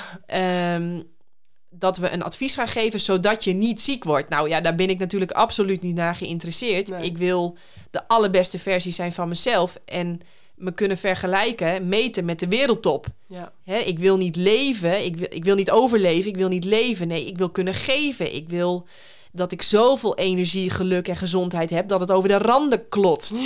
dat, ik, dat ik een business kan hebben, kan trainen en een leuke moeder kan zijn. En ook nog een leuke partner, weet je wel. Ik wil echt in dat laatste level zitten, het level van geven. Nou, met drie stukjes fruit uh, kom je daar niet. nee, nee, maar dus ehm, we hebben nu al heel veel uh, over uh, de mond eigenlijk oh, gehad. ja, de mond. Ja, is van, als we van top tot nou, teen... Ja, we moeten eigenlijk nog naar het denken. Uh, ja. Want dat was voor mij ook echt een game changer. Ik heb heel lang gedacht dat ik de gedachte ben in mijn hoofd. Uh, die natuurlijk voor ieder belangrijk en spannend moment of ongemakkelijk moment tegen je aan begint te kletsen. Ja. En ik onzekerheid. Heb, onzekerheid, kan ik het wel? Wat doe ik hier? Wat doet het eigenlijk toe? Uh, heeft, dit wel, heeft dit wel zin? Ja. goh, wat had ik nog meer voor rare gedachten wel eens? Ik kan het niet, ik kan beter maar stoppen. Ja. Uh, dit heeft geen zin. Uh, ik ben niet goed genoeg. Mijn voorbereiding was niet goed genoeg. Mijn trainingen waren niet perfect genoeg. Ik heb te slecht geslapen. Weet ik veel wat ik ja. allemaal in mijn hoofd haalde. Ja. Sterker nog, uh, ik nam die gedachten ook nog eens heel serieus. Totdat ik de boeken van Eckhart Tolle ja. tot in den treuren ben gaan luisteren. En tot op de dag van vandaag luistert, luister. En het gave was, toen kwam er ruimte tussen die gedachtes en wie ik ben. Ik kon op een gegeven moment naar die gedachten kijken en dan denken: oh grappig, dat zijn gedachten, dat ben ik niet. Ik ben hoe goed ik ook heb geslapen, of hoe slecht ook, of wat ik ook heb gegeten, of hoe goed en slecht ik ook heb getraind. Ik ben dat bewustzijn. Ja. En ja, sinds ik uh, mijn kop er een stuk beter op heb staan, nou, dat is echt, ik, ja, dat is misschien nog wel belangrijker dan gezond eten. Ja, ja. Nee, daar hadden we het in het begin natuurlijk over. Over die verbindingen van alles. Hè, die verschillende factoren. Het mentale, het fysieke, alles. Uh, het plezier hebben in je sport, wat ook het allerbelangrijkste is. En um, Tolle kan ik me voorstellen dat als je dat tegen een tiener zegt, dat je denkt van, maar heavy stuff. En misschien zijn sommigen daar nog te jong voor. Ja, daarom ehm, probeer ik het in mijn boeken echt op Jip en Janneke taal. Precies. Dat ik je echt meeneem. Echt voor alle leeftijden geschikt. En, uh, maar als je een twintiger bent, Eckhart Tolle is echt wel aan te raden. Maar ook niet alleen als sporter, maar ik denk ook als, uh, als mens gewoon buiten. Absoluut. Gewoon dus. Absoluut. de, met heel veel wijze levenslessen. Uh, je moet ervoor openstaan. Je, je, je leert ook heel anders kijken naar prestaties, naar hoe je een wedstrijd doet. Hè. Doe je het om de beste te zijn, om de aandacht? Of doe je het om jezelf te verbeteren? Of je kan natuurlijk op heel veel verschillende manieren nou, ook de sport bedrijven. wat gebeurt, we beginnen eigenlijk vaak met sporten. Omdat we dat leuk vinden. Vriendjes, vriendinnetjes. Maar als je, hè, jij en ik, jij hebt dat ook gemerkt. Je hebt talent. Ja. En dan ga je richting die prestatiecultuur. En dan kan het gebeuren dat je zo, zomaar ineens je eigen waarde gaat koppelen aan presteren. Ja. Hè, dus als je goed hebt gepresteerd, dan mag je er zijn, dan mag je ook wat zeggen. Ja. Maar als je dan niet goed gepresteerd hebt, nou dan vind je en je wordt heel boos op jezelf, maar je denkt ook dat de buitenwereld heel boos op je wordt of en je niet meer goed en leuk vindt. Ja, en dan wordt het wel, ja. uh, dan wordt het wel. Uh, hè, ik zie dat, ik zie dat nou ja, ik zie dat veel, ook op televisie en interviews. Dan denk ik, oeh, maar mhm. als je dat kunt loskoppelen. Ja. Dus als je je eigen waarde loskoppelt van hoe je presteert. En daar, daar leert Eckhart Tolle, die kan je daar uh, veel over leren. Ja. ja, dan ga je echt vanuit joy, vanuit plezier, vanuit enthousiasme, vanuit spel ga je die sport beoefenen. En Ja. de, de grap is, je gaat daardoor veel beter presteren. Want ik kon mezelf vroeger echt opvreten van zenuwen. Ja. Echt, dan had ik al zoveel energie verspeeld Ja. zenuwachtig zijn. Nou, Ja. dan kon ik dan. Nou, dat, dat ging gewoon ten koste van mijn prestaties. En sinds ik veel, honderd keer ontspannender ben en Ja. veel. Ja, dat, dat, en, en het, het leuke is, dan ga je dus veel beter presteren. Ja. Ja, er het- zijn... En het begint dus mee dat je gaat observeren van, oh grappig, ik ben dus degene die kan waarnemen dat ik gedachten heb. Wauw. Ja. En wat ook leuk is, is als je bijvoorbeeld eens even stil gaat liggen in je bed om te kijken, wow, er komen zoveel gedachten langs. Ja. En dan probeer je gewoon in het begin maar eens eventjes twee minuten geen gedachten te hebben. Maar het gaat er niet om of je dat lukt. Het gaat er gewoon om dat je dan bewust wordt van, wow, ik heb heel veel gedachten. Ja. En, en als je dus dan die pinknagel ertussen kan krijgen van... oh, grappig, ik ben die waarnemer. Ik ben dat bewustzijn. Ik ben diegene die observeert. En ik ga er nu niet meer in mee. Ik ga die gedachten niet meer... Ik ga er gewoon, hé, hey, leuk, daar ben je weer. En je Ja. doet er verder niks mee. Ja. Dan, dan ontstaat er vrijheid. Het echt omarmen eigenlijk, hè? Dus ook de, de spanningen voor een wedstrijd toch proberen te omarmen van... hé, hey, oké, daar is het weer. Ik heb jullie nodig om... Hè, ik heb die adrenaline en ik heb die spanning en die endorfines. Ik heb het allemaal nodig om dat, die trap of die, die haal eh, beter en, en sneller te kunnen doen. Ehm, dus echt dat, dat accepteren, ja, dat omarmen, dat is iets... Nou, sterker nog... Ik hoop altijd dat het komt. Want eh, ja, als ik een wedstrijd moet winnen met zoals ik een training vaar, nou, dan zou Ja. ik nooit een wedstrijd winnen. Dus Nee, ik zit altijd, ik moet dat startschot even horen, want dan komen er bij mij stofjes vrij. Ja, die eh, brengen mij van de vierde naar de vijfde naar de zesde versnelling. Nee, dus sterker nog, ik, ik, ik hou ervan. Ik, eh, fantastisch. Maar als je er tegen gaat vechten, als je Ja. eigenlijk in verzet raakt en je zegt van ik wil dit niet, hè, Ja. dat, is, dat, is, dat is het kernprincipe van stress. Je zegt eigenlijk ik voel me zo, maar ik wil me zo voelen. Of ik Ja. heb dit, maar ik wil dat hebben. Ik ben hier, maar ik wil daar zijn. Dat had ik vroeger ook. Dan dacht ik op zaterdagochtend al, oh ik wil zo graag dat zondagmiddag is en dat het voorbij ook. is. Ja, oh, als het maar voorbij is. Als oh, het dan maar- keek ik zo uit naar de volgende dag. Dan, is, het, dan is het afgelopen. Dan is het afgelopen. Nou, dan ben je echt wel op de Ja. verkeerde weg hoor. Dus Klopt. als je, maar dat is dus het kernprincipe, dat is het, dat is het principe van stress. Je bent verzet in, in verzet tegen het huidige moment. ja, dus zoals je voelt, zo wil je niet voelen. Waar je bent, daar wil je niet zijn. En wat je hebt, dat wil je niet hebben. ja, Ehm, maar als je helemaal kunt samensmelten met het huidige moment en eigenlijk kunt zeggen van, oh grappig, ik zie nu dat dit en dit in mijn lijf gebeurt. Ja. Of ik zie nu eh, ja, dat ik eigenlijk hier wil zijn, eh, daar wil zijn, maar hier ben. Oh grappig, ik ben Ja. in verzet.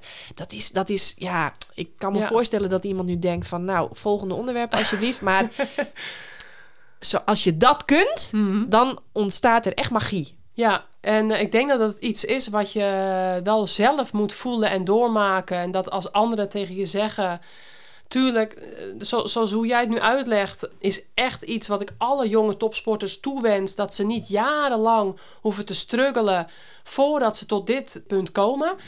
Maar eh, op een bepaald moment moet je natuurlijk ook... eh, ja, de ene doet het makkelijker dan de ander, maar je moet er doorheen. Dus het is ook iets van ondervinden. En zelf moet je het uiteindelijk doen. Dus anderen kunnen het niet voor je oplossen. Maar eh, ik zou zo graag willen dat er nog veel meer vanuit ouders... eh, eh, trainingen, cursussen worden aangeboden als je een jong talent hebt. Eh, want in de thuissituatie, daar, eh, daar ontstaat alles. Dus hoe ga je als ouders daarmee om? Want die hebben toch vaak heel veel invloed op zo'n jonge sporter.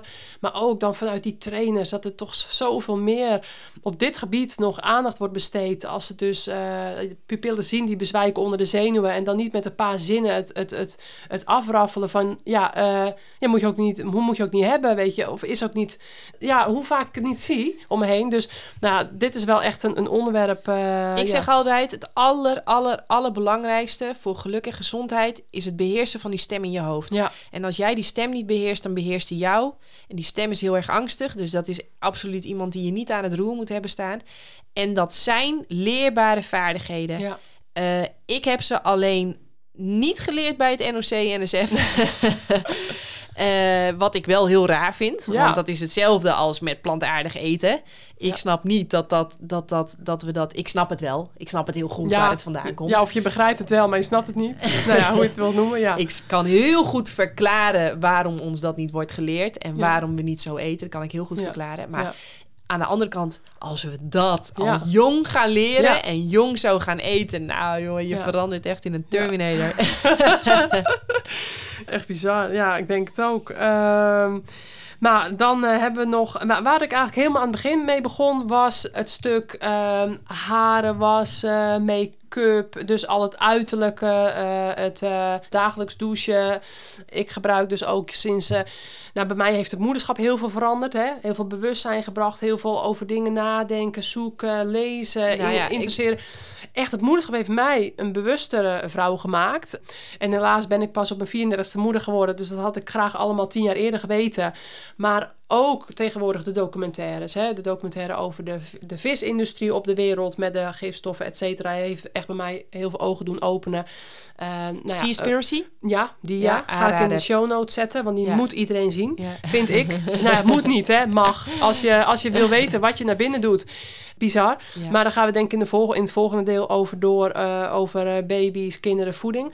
Op dat gebied. Maar ook, ehm, hè, want als vrouw wordt ook aange, aangeraden om, als zwangere vrouw, om heel veel eh, vis te eten. En Ja, ook, nou, eh, en ook gaat- jonge kinderen. Maar Dat gaat echt de geschiedenisboeken in Ja. als het meest criminele advies ooit. denk het ook. Dat is dat, echt... Daar wordt nu door toxologen wordt daar al over geschreven. Ja. Van als jij jezelf een klein beetje serieus neemt en je adviseert dat, dat, dat kan echt niet meer. Nee, maar, maar dat wist ik dus allemaal niet. Nee, dat ik kreeg allerlei verschillende adviezen van alle kanten om me heen.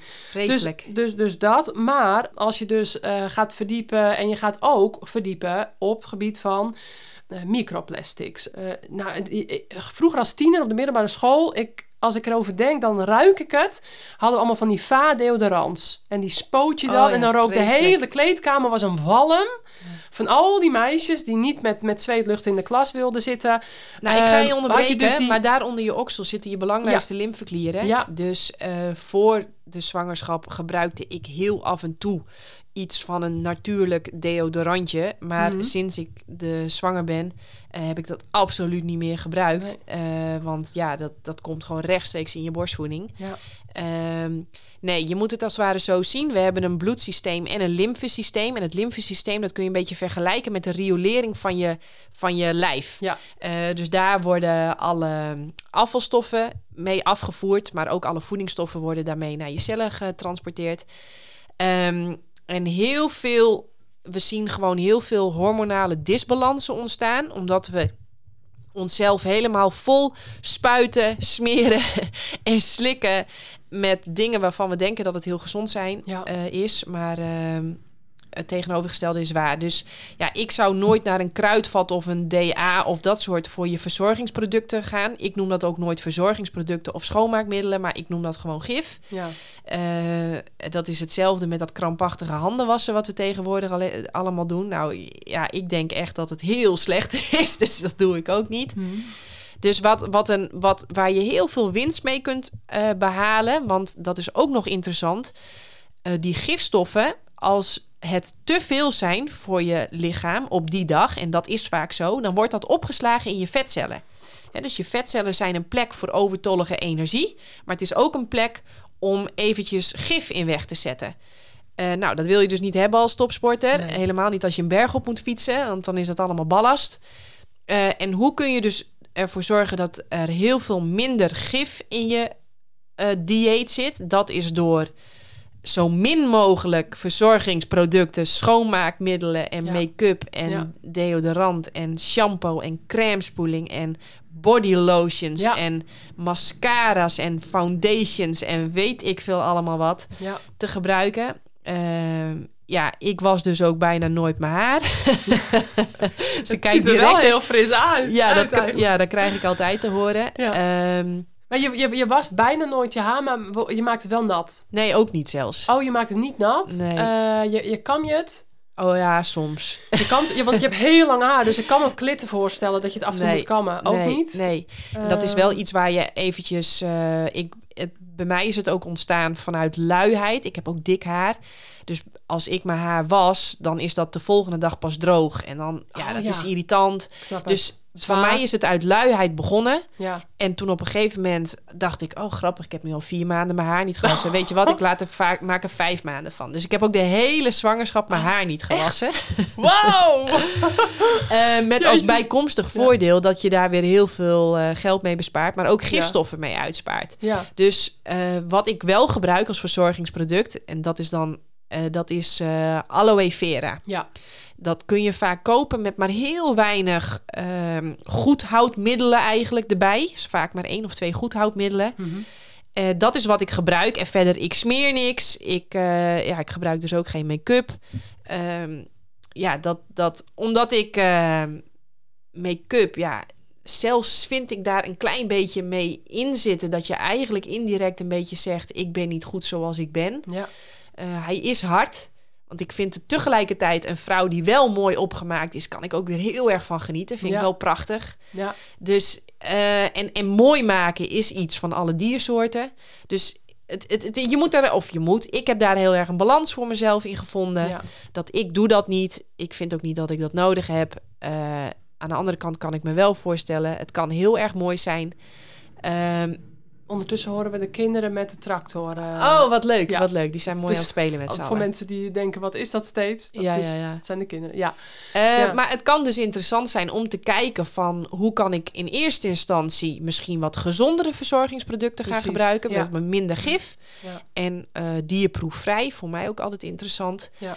En hoe kan ik dan de volgende stap misschien wat afbouwen? Ja. Eh, als je Mm. bijvoorbeeld net als ik geen deodorant gebruikt, dan moet je dus wel je oksels goed scheren, want anders gaat het stinken als ik weet niet wat. Ja, en daar hebben we er nog één. Op de eerste plaats, ik, ik ben dan zelf 15 jaar gesponsord geweest door Weleda. Ik ben ook in die tuinen in Zoetermeer geweest. Ik ben er uitgenodigd eh, met andere gesponsorden. De schaatsteams werden ook destijds gesponsord. Weleda ehm, heeft me allemaal uitgelegd hoe de producten werden gemaakt. Ik heb zelf ook toen een huidcrème gemaakt met allerlei planten en eh, verschillende planten die ze gebruiken uit hun tuin. Ehm, nou, ik was echt super, super blij met hun. Ik word nu hè, dus al een jaar of vijf niet meer gesponsord, maar buiten Weleda heb je dus nog merken waarmee je op wel een gezonde manier, als je iets wil gebruiken. eh, dus als je een keertje, meestal heb ik ook geen make-up, maar bijvoorbeeld nu heb ik een mascaraatje, maar dat heb ik dan ook weer van een merk wat uh, dierproefvrij, or, biologisch, organisch, nou, het hele rattenplan kun je opnoemen. Maar uh, daar zitten dus bewezen geen PFAS, uh, microplastics in. Um, dat is heel duur spul. Betaal je voor een heel klein beetje, betaal je best uh, vijf keer zoveel als bij de ethos of de DA. Maar dat doe ik dus af en toe. Dus als ik even, ja, weet ik, op een fotootje moet, dat is het even een mascaraatje, vind ik dan prettig. Maar lippenstift sowieso, als je moeder bent, niet handig als je heel veel je kinderen kust. Dagcreme ook, amandelcreme van Meleda, omdat ik daar uh, een goed gevoel bij heb. En het is... Uh, ja, ja, maar ook grappig. Ik heb op een gegeven moment de beslissing gemaakt, die schoonheid die komt van binnenuit. Ja. Dus als je heel veel fruit, wat super rijk is aan vocht, ja. en aan mineralen. Ja. Ja. En dat is ontzettend belangrijk voor je huid. Wil je een mooie huid, dan heb je dus dat vocht nodig en die mineralen, zodat het heel flexibel is. Nou, dat vind ik ook uh, zo gaaf om te zien, want ik had echt een gigantische buik van Duitse. En uh, nou, niet heel snel daarna was hij alweer zo strak als een plank. Ik heb geen enkel nee. strié uh... dingetje, hoe noem je dat? Uh, en, olie heb je daarvoor, ja. Ja, dat heb ik dus allemaal nee. niet gebruikt. Nee. Geen olie, helemaal ja. niks. Geen smeersels, uh, geen dagcreme, geen body lotions, helemaal niks. Nee. En uh, alleen als ik wat te lang in de zon heb gezeten, want ik gebruik dus ook geen zonnebrandcreme, omdat dat de vitamine D aanmaak verstoort, ja. uh, dan smeer ik soms even wat aloe. Maar het leuke is dus, als je op een gegeven moment uh, de troep een beetje weglaat en je gaat heel gezond eten, ja, je, gaat, je gaat een, krijgt een soort van glow. Iedereen ja. zegt altijd, oh, wat smeer jij? Wat gebruik jij? Dan zeg ik, ja, helemaal niks. Nee. Was je ochtends wel je gezicht met water? Nou, als ik heb lopen kwijlen ik... in mijn slaap, en dan moet ik natuurlijk wel even wassen. Dus dan ja. plens ik wel even wat water... Uh, en ik zit vaak in een ijsbad. En na iedere training douche ik natuurlijk direct. Want anders uh, zit je huid direct helemaal onder de pukkels en ellende. Ja. Dan word je koud van het, uh, van het zweet. Dus ik spoel wel veel met water af. Maar al die, al die doucheschuimpjes en ja. gelletjes, joh. Ik heb gewoon nog, ja, ik ben misschien ouderwets, maar een washandje. Ja, ik ook. Heerlijk. Ja, ja, ja, ja, En als je dan gemountainbiked hebt of racefiets, natuurlijk even goed achter je oren en, en even goed over je schenen. En meer heb je denk ik ook niet nodig. Nee, ik doe meestal alleen inderdaad een washandje. Daar was ik dan mijn oksels mee met water. of een heel klein beetje Weleda douche crème. Oh, ja. Uh, en dat gebruik ik ook alleen voor onder mijn oksels dan, uh, als het een beetje... Maar verder eigenlijk alleen met water en een washandje voor het overige vuil. Maar dat is ook echt, als moeder word je ook een soort van meer uh, oermens, zo noem ik het maar. Zo voelde ik mezelf veel meer. Ik voelde me veel meer naar me... Voorheen was ik dat al wel. En toen had ik al nooit veel synthetische troep. Maar uh, dat werd bij mij versterkt toen ik moeder werd. En dus uh, gebruik ik ook nooit meer parfum. Ook omdat ik uh, bij mijn kinderen ook nooit, uh, we komen straks op, uh, wat we op kinderen smeren. Maar ook um, dat, dat ik wilde dat de kinderen mijn lichaamsgeur ten alle tijden roken. Dus ook... Ik ben daar ook veel nooit, te gevoelig voor. Nooit parfum op, nee. omdat ik gewoon dacht van ja, maar dan, dan, dan gaan ze tegen een walm van een of ander parfummerk aan liggen. Dus op die manier gebruik ik, ja, aangezien ik iedere dag bij mijn kinderen ben, nooit parfum meer eigenlijk. Um, Misschien heel sporadisch hè, bij een galaatje of een dingetje. Um, Uitzondering die de uitzon Ja, dat zijn misschien een aantal dagen per jaar. Maar ook parfum. Uh, als ik in het peloton reed, dan werd ik af en toe misselijk. Ja, als je aan het afzien bent en je rijdt ook nog eens achter iemand met veel te veel parfum op. En op de een of andere manier vond ik dat ook heel onnatuurlijk. Omdat je... Uh, volgens mij met, ja, met parfum, wat alcohol erin, uh, andere... Volgens mij maak je jezelf een beetje uh, afstandelijk van jezelf. Dus je, eigen lichaamsgeur, die ruik je denk ik onbewust. Denk ik, want ik ruik mezelf niet natuurlijk. Hè. Uh, ik ruik wel de lichaamsgeur van mijn man. Maar die weet niet wat voor lichaamsgeur hij heeft. Vice versa, ik weet niet hoe, hoe dat ruikt. Uh, maar ik denk dat onbewust, als je dus parfum op gaat spuiten dat het een soort van, dat je een soort van weggaat naar je kern of zo. Ik weet niet hoe ik het uit moet leggen, maar... Je zegt het hartstikke goed. En sterker um, nog... Zo voelt het uh, althans voor mij. Heel veel keuzes maken wij onbewust op geur. Een man die kiest een vrouw ook uit op ja. basis van geur. Ja. En daarom noemen ze bijvoorbeeld ook de pil, noemen ze ook wel de divorce pil. Precies, ja. Want als jij uh, hormonen van, synthetische hormonen of hormonen van een ander dier, hè, dus door het eten van zuivel, eieren, vis, vlees, ja. dan ga jij anders ruiken. En uh, dat is het, ja. Dus nee, het klopt. We doen heel veel op basis van geur. En uh, ik denk dat het voor je gezondheid van jezelf, maar ook voor het kiezen van de juiste partner ja. en je door de juiste partner te kunnen laten uitkiezen, uh, dat, het, dat het mooi is als je ja, lekker naar jezelf ruikt. Ja, denk ik. Dus, dus dat even op het gebied van, nou ja, haren wassen, ja, lichaam wassen. Ja dan wil, zou ik willen zeggen, uh, samenvattend, verdiep je erin. En ja, uh, gebruik zoveel mogelijk middelen waarvan je weet dat er in ieder geval geen microplastic in nou, zit. Ik zou zeggen, gebruik zo min mogelijk middelen. Zo min mogelijk. En die kleine beetje wat je dan wel gaat gebruiken, ja. kies dat bewust. Precies. En kijk dan uh, eventjes naar de ingrediëntenlijst. En ja. ik zeg altijd, je huid is je grootste orgaan. Ja. Dus als jij het niet durft op te eten, dan zou ik het ook niet smeren. Ja. Kijk, stel je voor die aloe vera, dat is gewoon een plant. Kun je eten, uh, dat kan je gewoon opeten. Ja. En dan nog iets. Um, um, ons lijf is gemaakt, kan optimaal functioneren bij ongeveer 80% van de calorieën uit koolhydraten, 10% uit eiwitten en 10% uit vetten. Eet je meer vetten, dan stikken eigenlijk je cellen. Dus ik vind het ook altijd een beetje onlogisch om dan he wel hele vette dingen op je huid te gaan smeren. Oh, ja. Dus daarom blijf ik weg bij alle vette, olieachtige producten. Omdat ja, ademt het niet meer. Dan ademt het niet. En wat ik ook altijd opvallend vind, want ik heb een tijdje dan met kokosolie bijvoorbeeld gesmeerd. Ja, ik dat ook. na een half uur leek mijn huid wel helemaal uitgedroogd. Ja. En toen dacht ben ik, je ook mee gestopt. Ja, ja, precies. Dus ik blijf ook helemaal weg bij al die olieachtige troep, omdat ik kan geen bewijs vinden dat het gezond is voor de binnenkant. Ja. En dan vind, ik het, dan vind ik het onlogisch dat het dan eens heel gezond zou zijn voor de buitenkant. Ja, heel goed. Dus uh, ja, en, ja ik, ik kan niks beters verzinnen dan een beetje aloe. En verder ja. gewoon gezond eten, vroeg op bed, veel naar buiten, uh, koud douchen. En veel het ijsbad in. Dus niet te heet douchen, want daar... daar ja, daar wordt je huid echt heel droog van. Ja, precies. En natuurlijk niet te vaak in een vliegtuig zitten. Dus als sporter soms moeilijk. Ja. Maar airco uit en uh, ja, en volgens mij is dat het allergezondste wat je voor je huid kunt doen. Ja. En meer is niet nodig. Nee, nee. en ik uh, had op een gegeven moment ook via Weleda een app ontdekt. Uh, Beat the Microplastics of de Plastic Soup Foundation uit mijn hoofd. Toen ging ik dus met die app ging de badkamer door.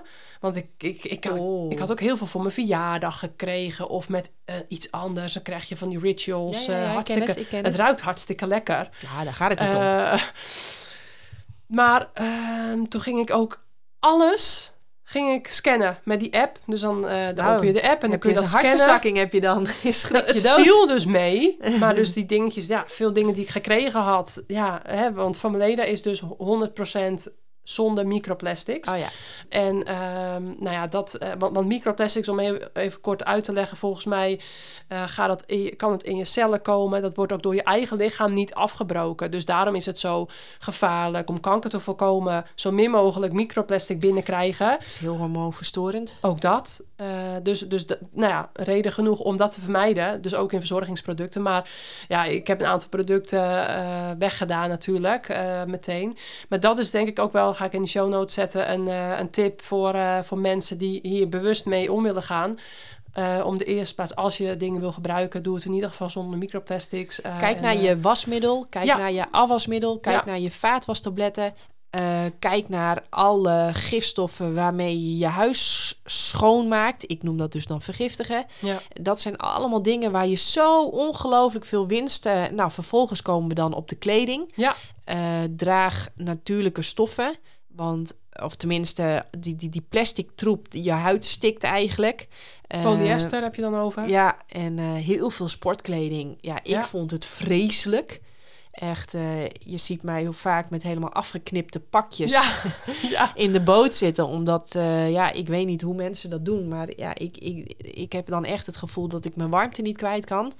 En eh, dat het niet ademt. Ja, ik zal je Dus, straks eh, een pak laten zien. Gaan we op het WK meereden. En Ja. eh, daar, dat zijn allemaal weer leuke dingen om met een lach op je gezicht en een Ja. twinkel in je ogen winst te pakken. Zeker, ja. Eh, en al die hele kleine dingen maken denk ik op een gegeven moment iets heel groots. Dus ja, dit vond ik ook wel even een belangrijk om te noemen. En ehm, bijvoorbeeld wasmiddel hebben wij vaak neutraal of klok. Eh, ik weet niet of jij nog andere merken E kent. Eco-doe. Eco-Doe hebben we ook soms wel eens. Ja, voor schoonmaakmiddelen dan. Eco-Doe. Ja, maar ehm, dat, dat leer ik ook veel van mijn zusje. Dat een, een schijfje citroen in je vaatwasmachine... Oh, ja. machine, dat blijkt al een mooiere glans te geven... Ja, dan al die rotzooi die je erin kunt doen. Dus eh, dat ja, is een goede... weet je, tip, ja. ga... Want uiteindelijk vinden alle medicijnen, alle schoonmaakmiddelen, alle parfums, alles... het vindt altijd zijn oorsprong in de natuur. Ja. Dus als je dan eventjes weer een stapje terug gaat naar de natuur... ja, die heeft, het, die heeft al zoveel prachtig mooie dingen voor ons bedacht. Ja. Ehm, En dan, ehm, wat we net nog bij het hele voedingsverhaal eigenlijk zijn vergeten te vertellen, is dan drinken. Wij hebben bijvoorbeeld een zuiver waterkraan. Eh, dus dat is echt een apparaat in het keukenkastje. Dus niet een, een, een Brita-filtertje of zo, wat niet werkt, maar echt ingebouwd. Eh, we hebben ook een onthardingssysteem. Eh, dus dat maakt het water, want wij hebben hier heel hard water in West-Friesland, in, hier in, in Grotebroek, maar dat maakt het water zacht.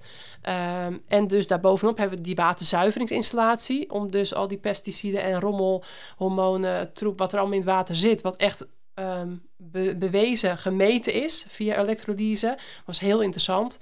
Ehm, dus dat hebben wij dan. Maar dat kost dan wel wat honderden euro's. Maar goed, wij vonden dat echt heel weinig geld ten opzichte van wat je ook maar anders koopt. Want water drink je iedere dag. Je zet de thee mee. Nou, noem maar op. Ehm, je, geeft het aan je kinderen. Dus op het gebied van, van water, van hoe.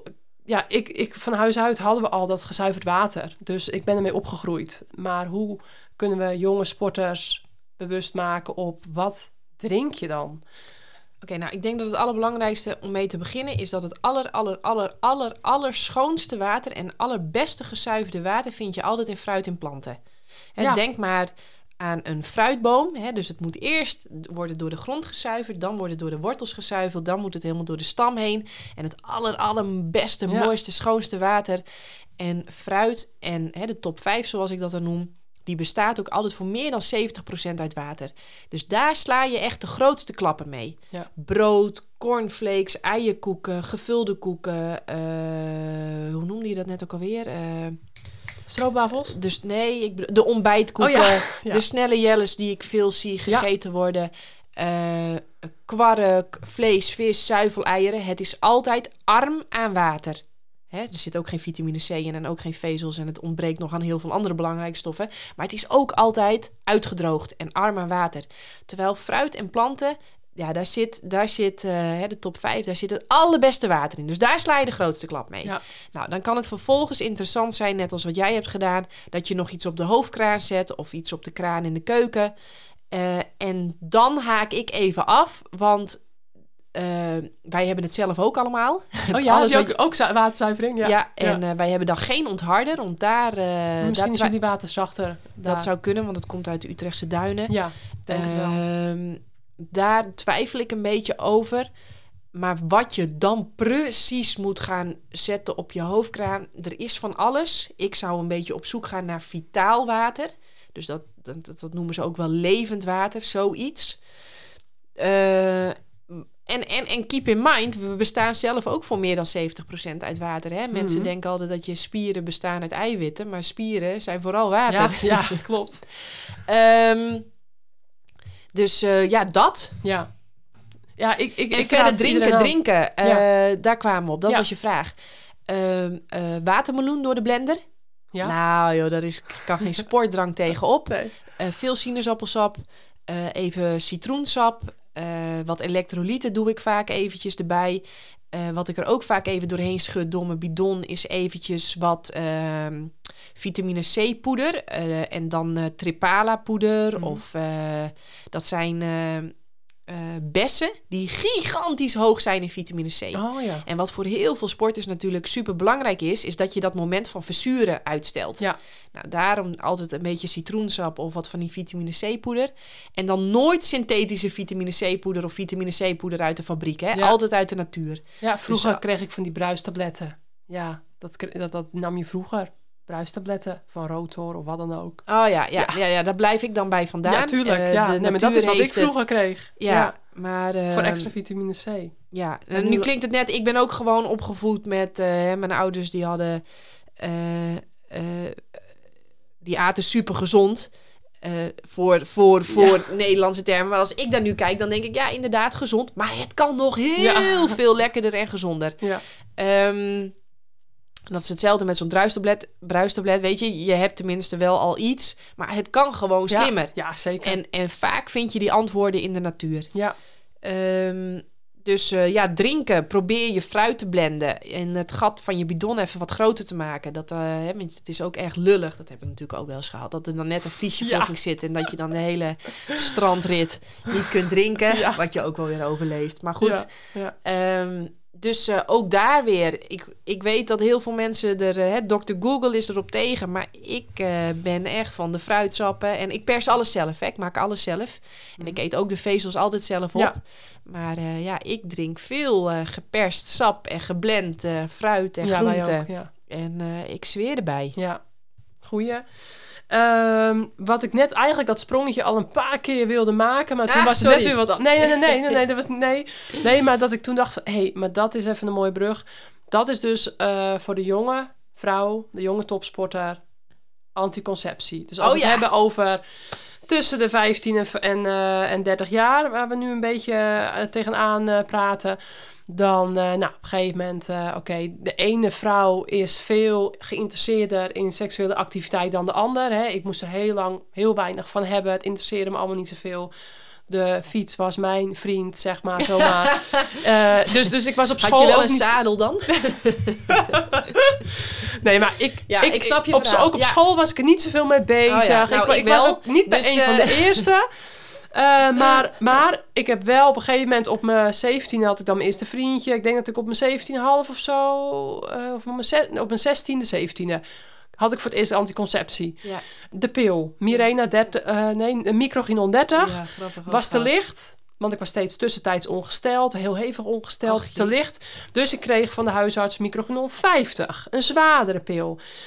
En ik herinner me nog dat ik na 2,5 jaar, nadat eindelijk die, uh, die verkering uit was op mijn uh, pak een beetje twintigste, was ik met die pil gestopt. Na, na een half jaar nadat het uit was. Na die microginon 50. En een vriendin zei tegen mij toen... Oh, Vera, je bent weer helemaal een beetje de oude Vera aan het worden. Je bent weer spontaan en je bent weer, um, ja, meer, meer jezelf, vond Want zij kende mij dan ook ja, zo'n beetje aan het begin van die verkering en ook, nou, zeg maar, die vier jaar daarna. Dat is me altijd bijgebleven dat zij dat toen zei, omdat ik toen ook zei volgens mij tegen haar dat ik daarmee gestopt was of zo. En dat ik me ook wel zelf veel beter voelde.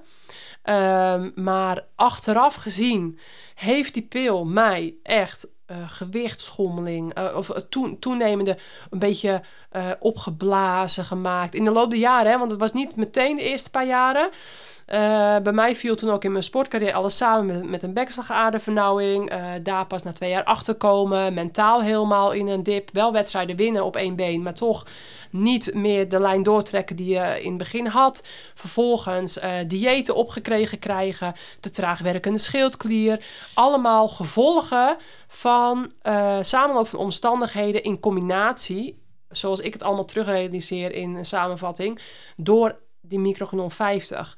Um, en destijds werd dat heel makkelijk voorgeschreven door een huisarts. Uh, begin jaren 2000 hebben we het ongeveer over.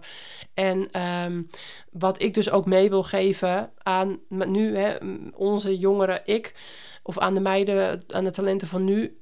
Wees bewust van anticonceptie. Is het je waard om dat tot je te nemen? Iedere dag weer zo'n pil. Later ben ik dan overgegaan op Mirena-spiraal. Uh, eerst kopen. Nou, dat was één groot drama, één bloedbad, uh, pijn, uh, dagenlang. die kopenspiraal na een half jaar pijn lijden vervangen door Mirena. Omdat ik dacht, dat is plaatselijk. Daar werd heel veel goed over geschreven. Gaat niet door je hele systeem. dus dat sprak me aan als beste van het slechtste. Nou, ook toen ik daarmee gestopt was ben ik volgens mij ook echt, uh, nou ja, ja, een soort van meer tot mezelf gekomen. Op een gegeven moment, dan word je dus niet meer ongesteld. En ik heb in jouw podcast geleerd dat ook die onge met uh, jouw gast, dat die ongesteldheid dus zorgt dat je ook een soort van iedere maand ontgift. Dus dat het niet alleen het niet bevruchte eitje is wat loslaat iedere maand, maar ook afvalstoffen bij een vrouw. Dus dat wist ik helemaal niet. Maar dat schijnt ook echt iets heel nuttigs te zijn van je ongesteldheid.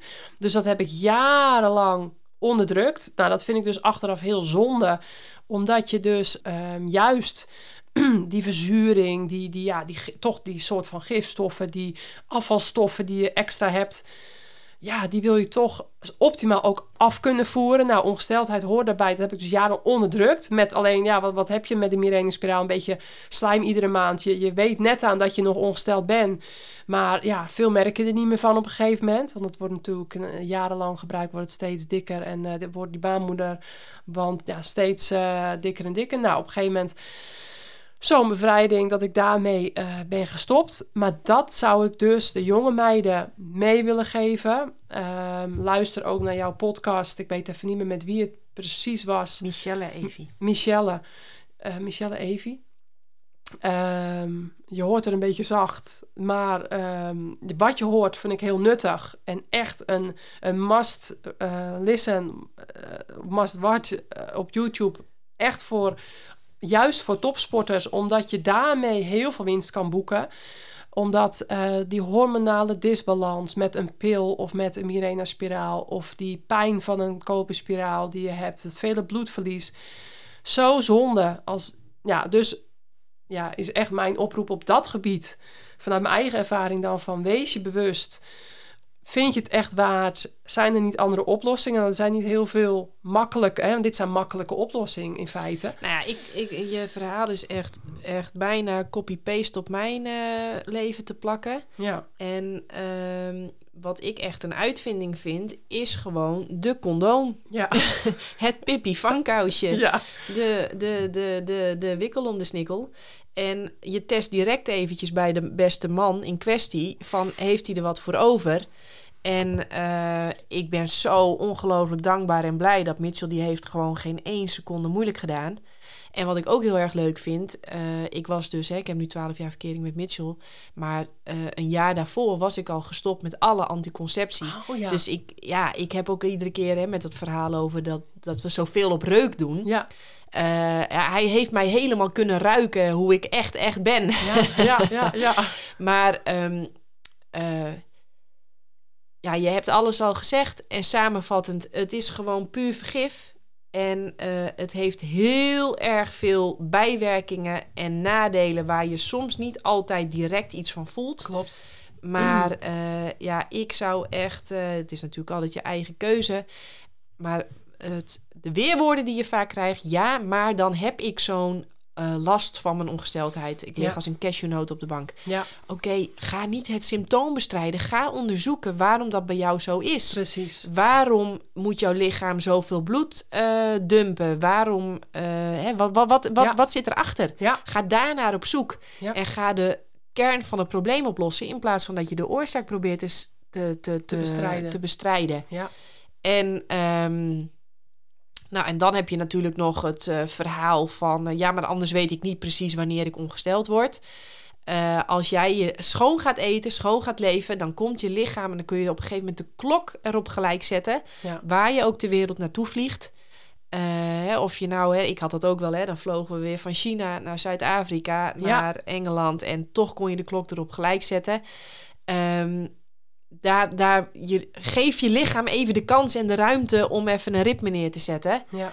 Eh, daar heb je tegenwoordig allemaal mooie apps voor om dat bij te houden. Ja. En als je, als je eh, een laag vetpercentage hebt en je bent lekker gezond, dan zul je ook merken dat het, dat het ja, weet je, ik heb als een cashewnoot op bed gelegen. Hè? Ik heb alles wat jij net vertelde, vreselijk, ja. ook allemaal gehad. En het is zo fijn om, daar, eh, om dat te overwinnen zelf. Hè? Want Ja. dan ben je ook eigenaar van je eigen oplossing en genezing. En dat geeft weer heel veel zelfvertrouwen. ja. Eh, maar die anticonceptie, ja, ik vind het echt een wonder dat dat gewoon door de huisarts aan al die vrouwen wordt gegeven. Van Ja. nee hoor, hartstikke goed. Ja. Heel goed ook voor je sport voor je sportprestaties. Nou, crimineel is het gewoon, als je het mij vraagt. Nou, Dus, eh, en als je dus klachten hebt, dus je hebt een keer hoofdpijn of je hebt een keer een lichamelijk ongemak, dan weet je dus nooit of het van die anticonceptie komt of dat het van iets anders komt. Dat vond ik dan. Ja, dat, hè, dat heb je natuurlijk ook met vaccinaties en met allerlei andere externe dingen. Ehm, dat je dus, ja, hoe min, hoe min mogelijk poespas, hoe meer je sneller, denk ik, tot een oorzaak kan komen als er iets, zeg maar, niet eh, helemaal lekker loopt in je lijf. Ehm, ja, en eh, ja, je noemde net natuurlijk de condoom, maar je hebt natuurlijk ook gewoon als je eh, gezond bent en je hebt een app. Tegenwoordig heb je heel veel goede apps waarbij je alles in kan bijhouden. En als je bijvoorbeeld gewoon een normale menstruatie hebt tussen de pak een beetje 28 en 32 dagen per, per keer. Ja, dan kun je ook gewoon ervoor kiezen van oké, even 10, 12 dagen per maand niet. Ja, Eh, maar dat vind ik heel lastig, want die vruchtbare dagen zijn ook de dagen waarop je juist meer zin hebt. Dus Oké. Mitchell en ik hebben ervoor gekozen. ja, Eh, we doen gewoon de 100% policy, dus altijd zo'n ding om. ja. Want ik ken ook genoeg eh, verhalen van vrouwen dat als jij lekker aan het vrijen bent en je bent helemaal ontspannen en je en, en Je zit helemaal je- buiten je cyclus.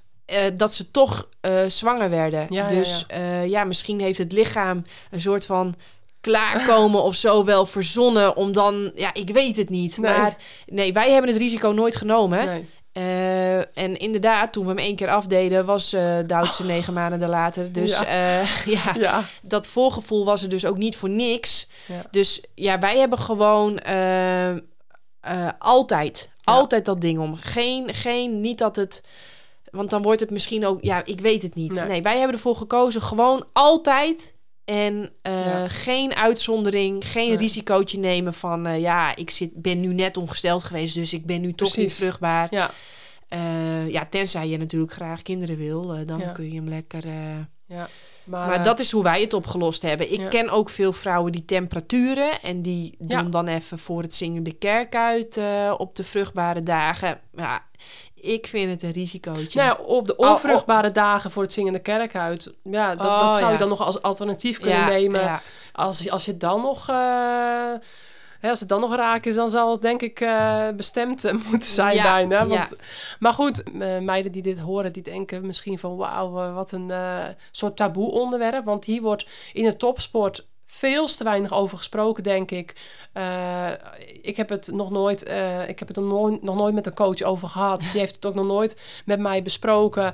Of eh, een ploegleider of een, iemand uit een ploeg ook. Dus ik denk ehm, dat Als je bij mij een meer... intake doet, dan is een van de eerste vragen: is gebruik je anticonceptie? ja, Want precies. als iemand bij mij komt met allemaal klachten en ik kom erachter dat hij ook een koperspiraal heeft, ja, dan, dan, Ja. dan ga ik daar toch het gesprek over aan. Ja. Want het is bizar hoeveel ellende dat creëert. Ja, Ook die Mirena-spiraal, ook een, de anticonceptiepil. ja. Ja, ik, ik heb nog nooit eh, een vrouw gezien die daar echt eh, vrolijker van werd en eh, slanker. En, Nee, nee, vooral na het stoppen, hè? Dan ook. En dan is die eh, hormoonhuishouding helemaal uit balans. Ehm, ik, kreeg, eh, ik kreeg zulke borsten. Oh ja, En eh, nou, het ziet er natuurlijk hartstikke leuk uit, maar ik vond het vreselijk. Het Ja. deed ook hartstikke pijn. ja, En terwijl, en dat vind ik dan ook weer zo fascinerend, toen ik zwanger werd van Duitse, toen groeide ze net zo hard, maar dat deed geen pijn. Dus denk ik, hé, hey, dat is toch het verschil tussen, Ja. tussen eh, hormonen uit de fabriek Ja. en hormonen door mijzelf aangemaakt. ja, bizar hè? Ja. Dus ja, op dit vlak ehm, is er nog iets meer om te vertellen. Ik denk, ik denk dat ehm, is het belangrijkste. Ik heb er wat blogs over geschreven. Ik heb een podcast erover gemaakt. Ja. Als je dat interessant vindt. En, eh, maar vol- volgens mij is het moraal van het verhaal eruit met die rotzooi. Nou in, nou, nou, in ieder geval de afweging maken wat je het waard vindt. Dus, dus dat je bewust kijkt en Ja. bewust inleest en eh, die bewustwording. En, en dat je dat dus in de topsport, vind ik, te weinig aangereikt krijgt. En dat door middel van deze podcast, maar ook eh, met die van jou en ja, wat we nu verteld hebben. Dat het bewustzijn in ieder geval er is. En dan kun je alsnog ja, er wel of niet voor kiezen. Want het is soms heel moeilijk voor jonge meiden hè, die eh, een topsportcarrière eh, voor de boeg hebben, nog jong zijn en absoluut niet zwanger willen worden. En dan echt voor die makkelijke weg kiezen. Eh, of in ieder geval voor die weg kiezen. Ja, oké. Maar dat je in ieder geval weet dat als er iets dan op langere termijn qua wat dan ook niet goed gaat, dat, dat je dan denkt aan die anticonceptie.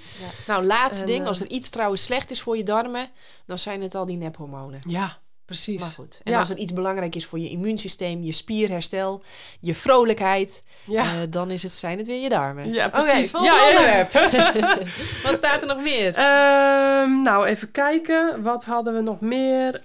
We zijn er. Ik denk dat we een hele hoop... eh, kijk, eh, als, als topsporter heb je nog eh, slapen. Maar we, nou ja, ehm tattoos, siliconen, naast make-up en kleding heb je nog die externe oh ja, factoren. tatoeages. tatoeages. Want hey, ik ben een van de weinigen, denk ik. Nou ja, nou, op een gegeven moment had bijna iedereen om me heen een tatoeage. Nou ja, niet toen ik jong, een jonge topsporter was, maar nu zie ik bijna iedereen, groot Oh. of klein, of, of tenminste, als je om je heen kijkt. Het verstoort Het- de energiestromen en banen in je lichaam. Het is echt ontzettend giftig. Ja. Ik bedoel, eh, het inkt van een krant is al eh, ontzettend giftig. Laat Ja. staan het inkt in je huid. Dus ja, je moet wel... Ja, eh, kijk, nogmaals, versieren en mooi maken, dat doen alle dieren. En het is ook van alle tijden. Ehm, ja, ik, er is geen haar op mijn hoofd wat Nee, mij ook niet. denkt aan een tatoeage. Dat, Nee. dat is... Ja, ehm, volgens mij kunnen ze ook met... eh, als je... Je kunt foto's maken van de energiebanen in je lichaam. En Oh ja. op die plekken waar dan tatoeages zitten, daar stroomt het niet goed. Nou, het lijkt Ja. me niet handig als Nee. je sporter bent. Of als je gezondheid je wat waard is. Ja. Dus die wilde ik nog even opgenoemd hebben. Ehm, bedenk goed ook wat dat je waard is, zeg Ja. maar. Ik snap eh, dat je af en toe een klein eh, tatoeage wil ergens met een overleden dierbare. Of juist, eh, of bijvoorbeeld eh, Olympische ringetjes, wat ik heel vaak zie bij sporters. Ehm, ik zei zelf altijd van, nou, mocht ik ooit een Olympische medaille winnen, dan is dat het enige tattoetje wat ik dan wil, bijvoorbeeld. Hè. Sommigen doen het bij deelname, of hè, dat is echt de holy grail voor een, een sporter vaak. Dat, dus dat zie ik heel, eh, zag ik veel om me heen. Maar, ehm, dus ik snap wel waarom mensen het doen. Maar inderdaad, ehm, ja, ook daar weer. Weet, wees ervan bewust. Verdiep je erin. Wat doet het met je? Vind je het het waard? Nou, en dan als laatste heb ik denk ik nog oorbellen. Ik had bijvoorbeeld een, een vriendin. Haar dochtertje werd vier. En voor haar verjaardag kreeg ze oorbelletjes. Ik zeg uh, van leuk, maar ik wil je even wel ja, iets vervelends zeggen. Want het schijnt, uh, ik zeg van horen zeggen, is mij verteld dat je wel even moet kijken waar de uh, juwelier die gaatjes schiet. Want als, je ze, als hij ze net verkeerd schiet, kan het dan weer door energiebanen lopen, schijnbaar. Ik weet niet of dat dus waar is, maar het schijnt dat je dus kan laten onderzoeken in je oren waar je geen energiebanen hebt lopen en dat je daar dan gericht gaatjes laat prikken. Dus ja, bij mij zijn ze ook gewoon net als iedereen vroeger lukraak geschoten. Geen idee of ze op een verkeerde plek zijn gezet of niet. Dus ik heb in beide oren één gaatje. Um, verder, um, ja, boeit het me eigenlijk niet. Maar dat was ik een jong kind. En uh, ieder ook daar op dat vlak zijn ding. Maar ook daar uh, voor de sporters die heel erg houden van. Hè, soms zie ik ook sporters met hun hele oren vol met ringetjes. Ook daar weer. Ja. en de, ehm, en de, de, de, de minst gunstige plek, om het dan maar zo even te zeggen. Ik weet niet hoe je dit noemt. Oh ja, dat is, dat is boven je oorlel. Ja, dus dat is dat stuk wat ehm, aan je hoofd zit. Ja, precies. Dat, dat middelste stuk van je oor. Ja. Dat blijkt echt. Uh, en in je lelletje kun je inderdaad wel, hè, dat, dat, dat, dat lelletje, daar kun je soms nog wel een plekje vinden. Um, ja. Ja. ja, dus ook daar zou ik willen adviseren. Wil je optimaal? Buiten ja, we zijn lekker puntjes op die aan het zetten. nou ja, ook wel eens ehm, goed om aandacht aan te besteden. Leuk. Dus die komen nog te binnen. Die had ik niet opgeschreven. Maar verder, nou ja, topsporters over het algemeen siliconen worden niet gebruikt. Maar uh, dat is ook een heel ander, andere topic natuurlijk. Hoe, uh, hoe mensen daar. Ja, uh, oh, ik heb al veel mensen begeleid uh, die heel veel winst hebben behaald door die siliconenborsten ja. eruit te halen. Ja. Zo, wat kun je daar ja. ongelooflijk ziek van worden. Ja. Ja. ja, ja. Um, nou, dus dat. Ik denk dat um, mensen, jonge topsporters, jongens, meiden, jonge vrouwen, dat we echt wel veel besproken hebben. Heb jij nog een nabrander? Nee, dan. Uh, nou, ik heb voor jou zometeen uh, wat walnoten en nog, wat had ik nog meer? Stoofperen, biologisch onbespoten stoofperen. Kun je daarmee kokkerellen misschien. De Courage Koerspet natuurlijk van BioRacer. En snelle sokken voor als je gaat. Ik weet niet of ze trouwens bij terugwerkende kracht... of je die bovenkant, dat is dus van dat snelle materiaal. Ik weet niet of je dat fijn vindt. Maar kijk maar, als ja, je ze leuk. vindt, mag je ze meenemen. Um, die natuurlijk. En wat had ik nog meer? Um, nou, het ligt op de keukentafel of hier. Voor jou heb ik een dus, hele fruitmand meegenomen. Ja, ja, dus we hebben een soort van ruilhandel is er gaande hier. Um, nou ja, super bedankt voor nu. Maar voor de um, oudere vrouwen, voor de dertigers denk ik, want de meeste moeders denk ik zijn gemiddeld een beetje rond de 30 uh, eh, die, dat ze voor het eerst moeder worden, uh, begreep ik. Um, die kunnen nog inschakelen in etappe 24b. Want uh, nou, we zijn nu al een tijdje bezig, maar uh, daar is nog superveel over te vertellen. Wij als jonge moeders zijn uh, de afgelopen jaren helemaal ondergedompeld. ook weer met gefronste wenkbrauwen tot en met, denk ik. Althans, als ik voor mezelf spreek.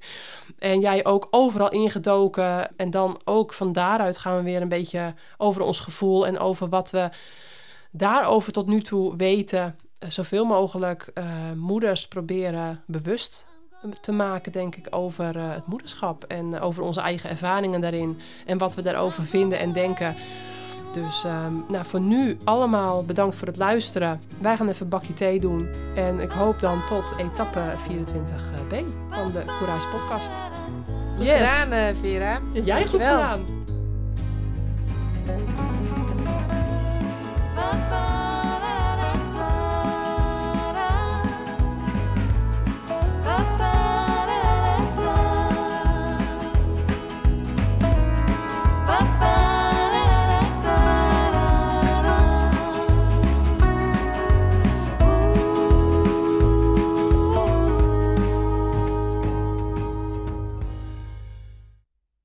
Podcast is gemaakt door Vera Koedoder.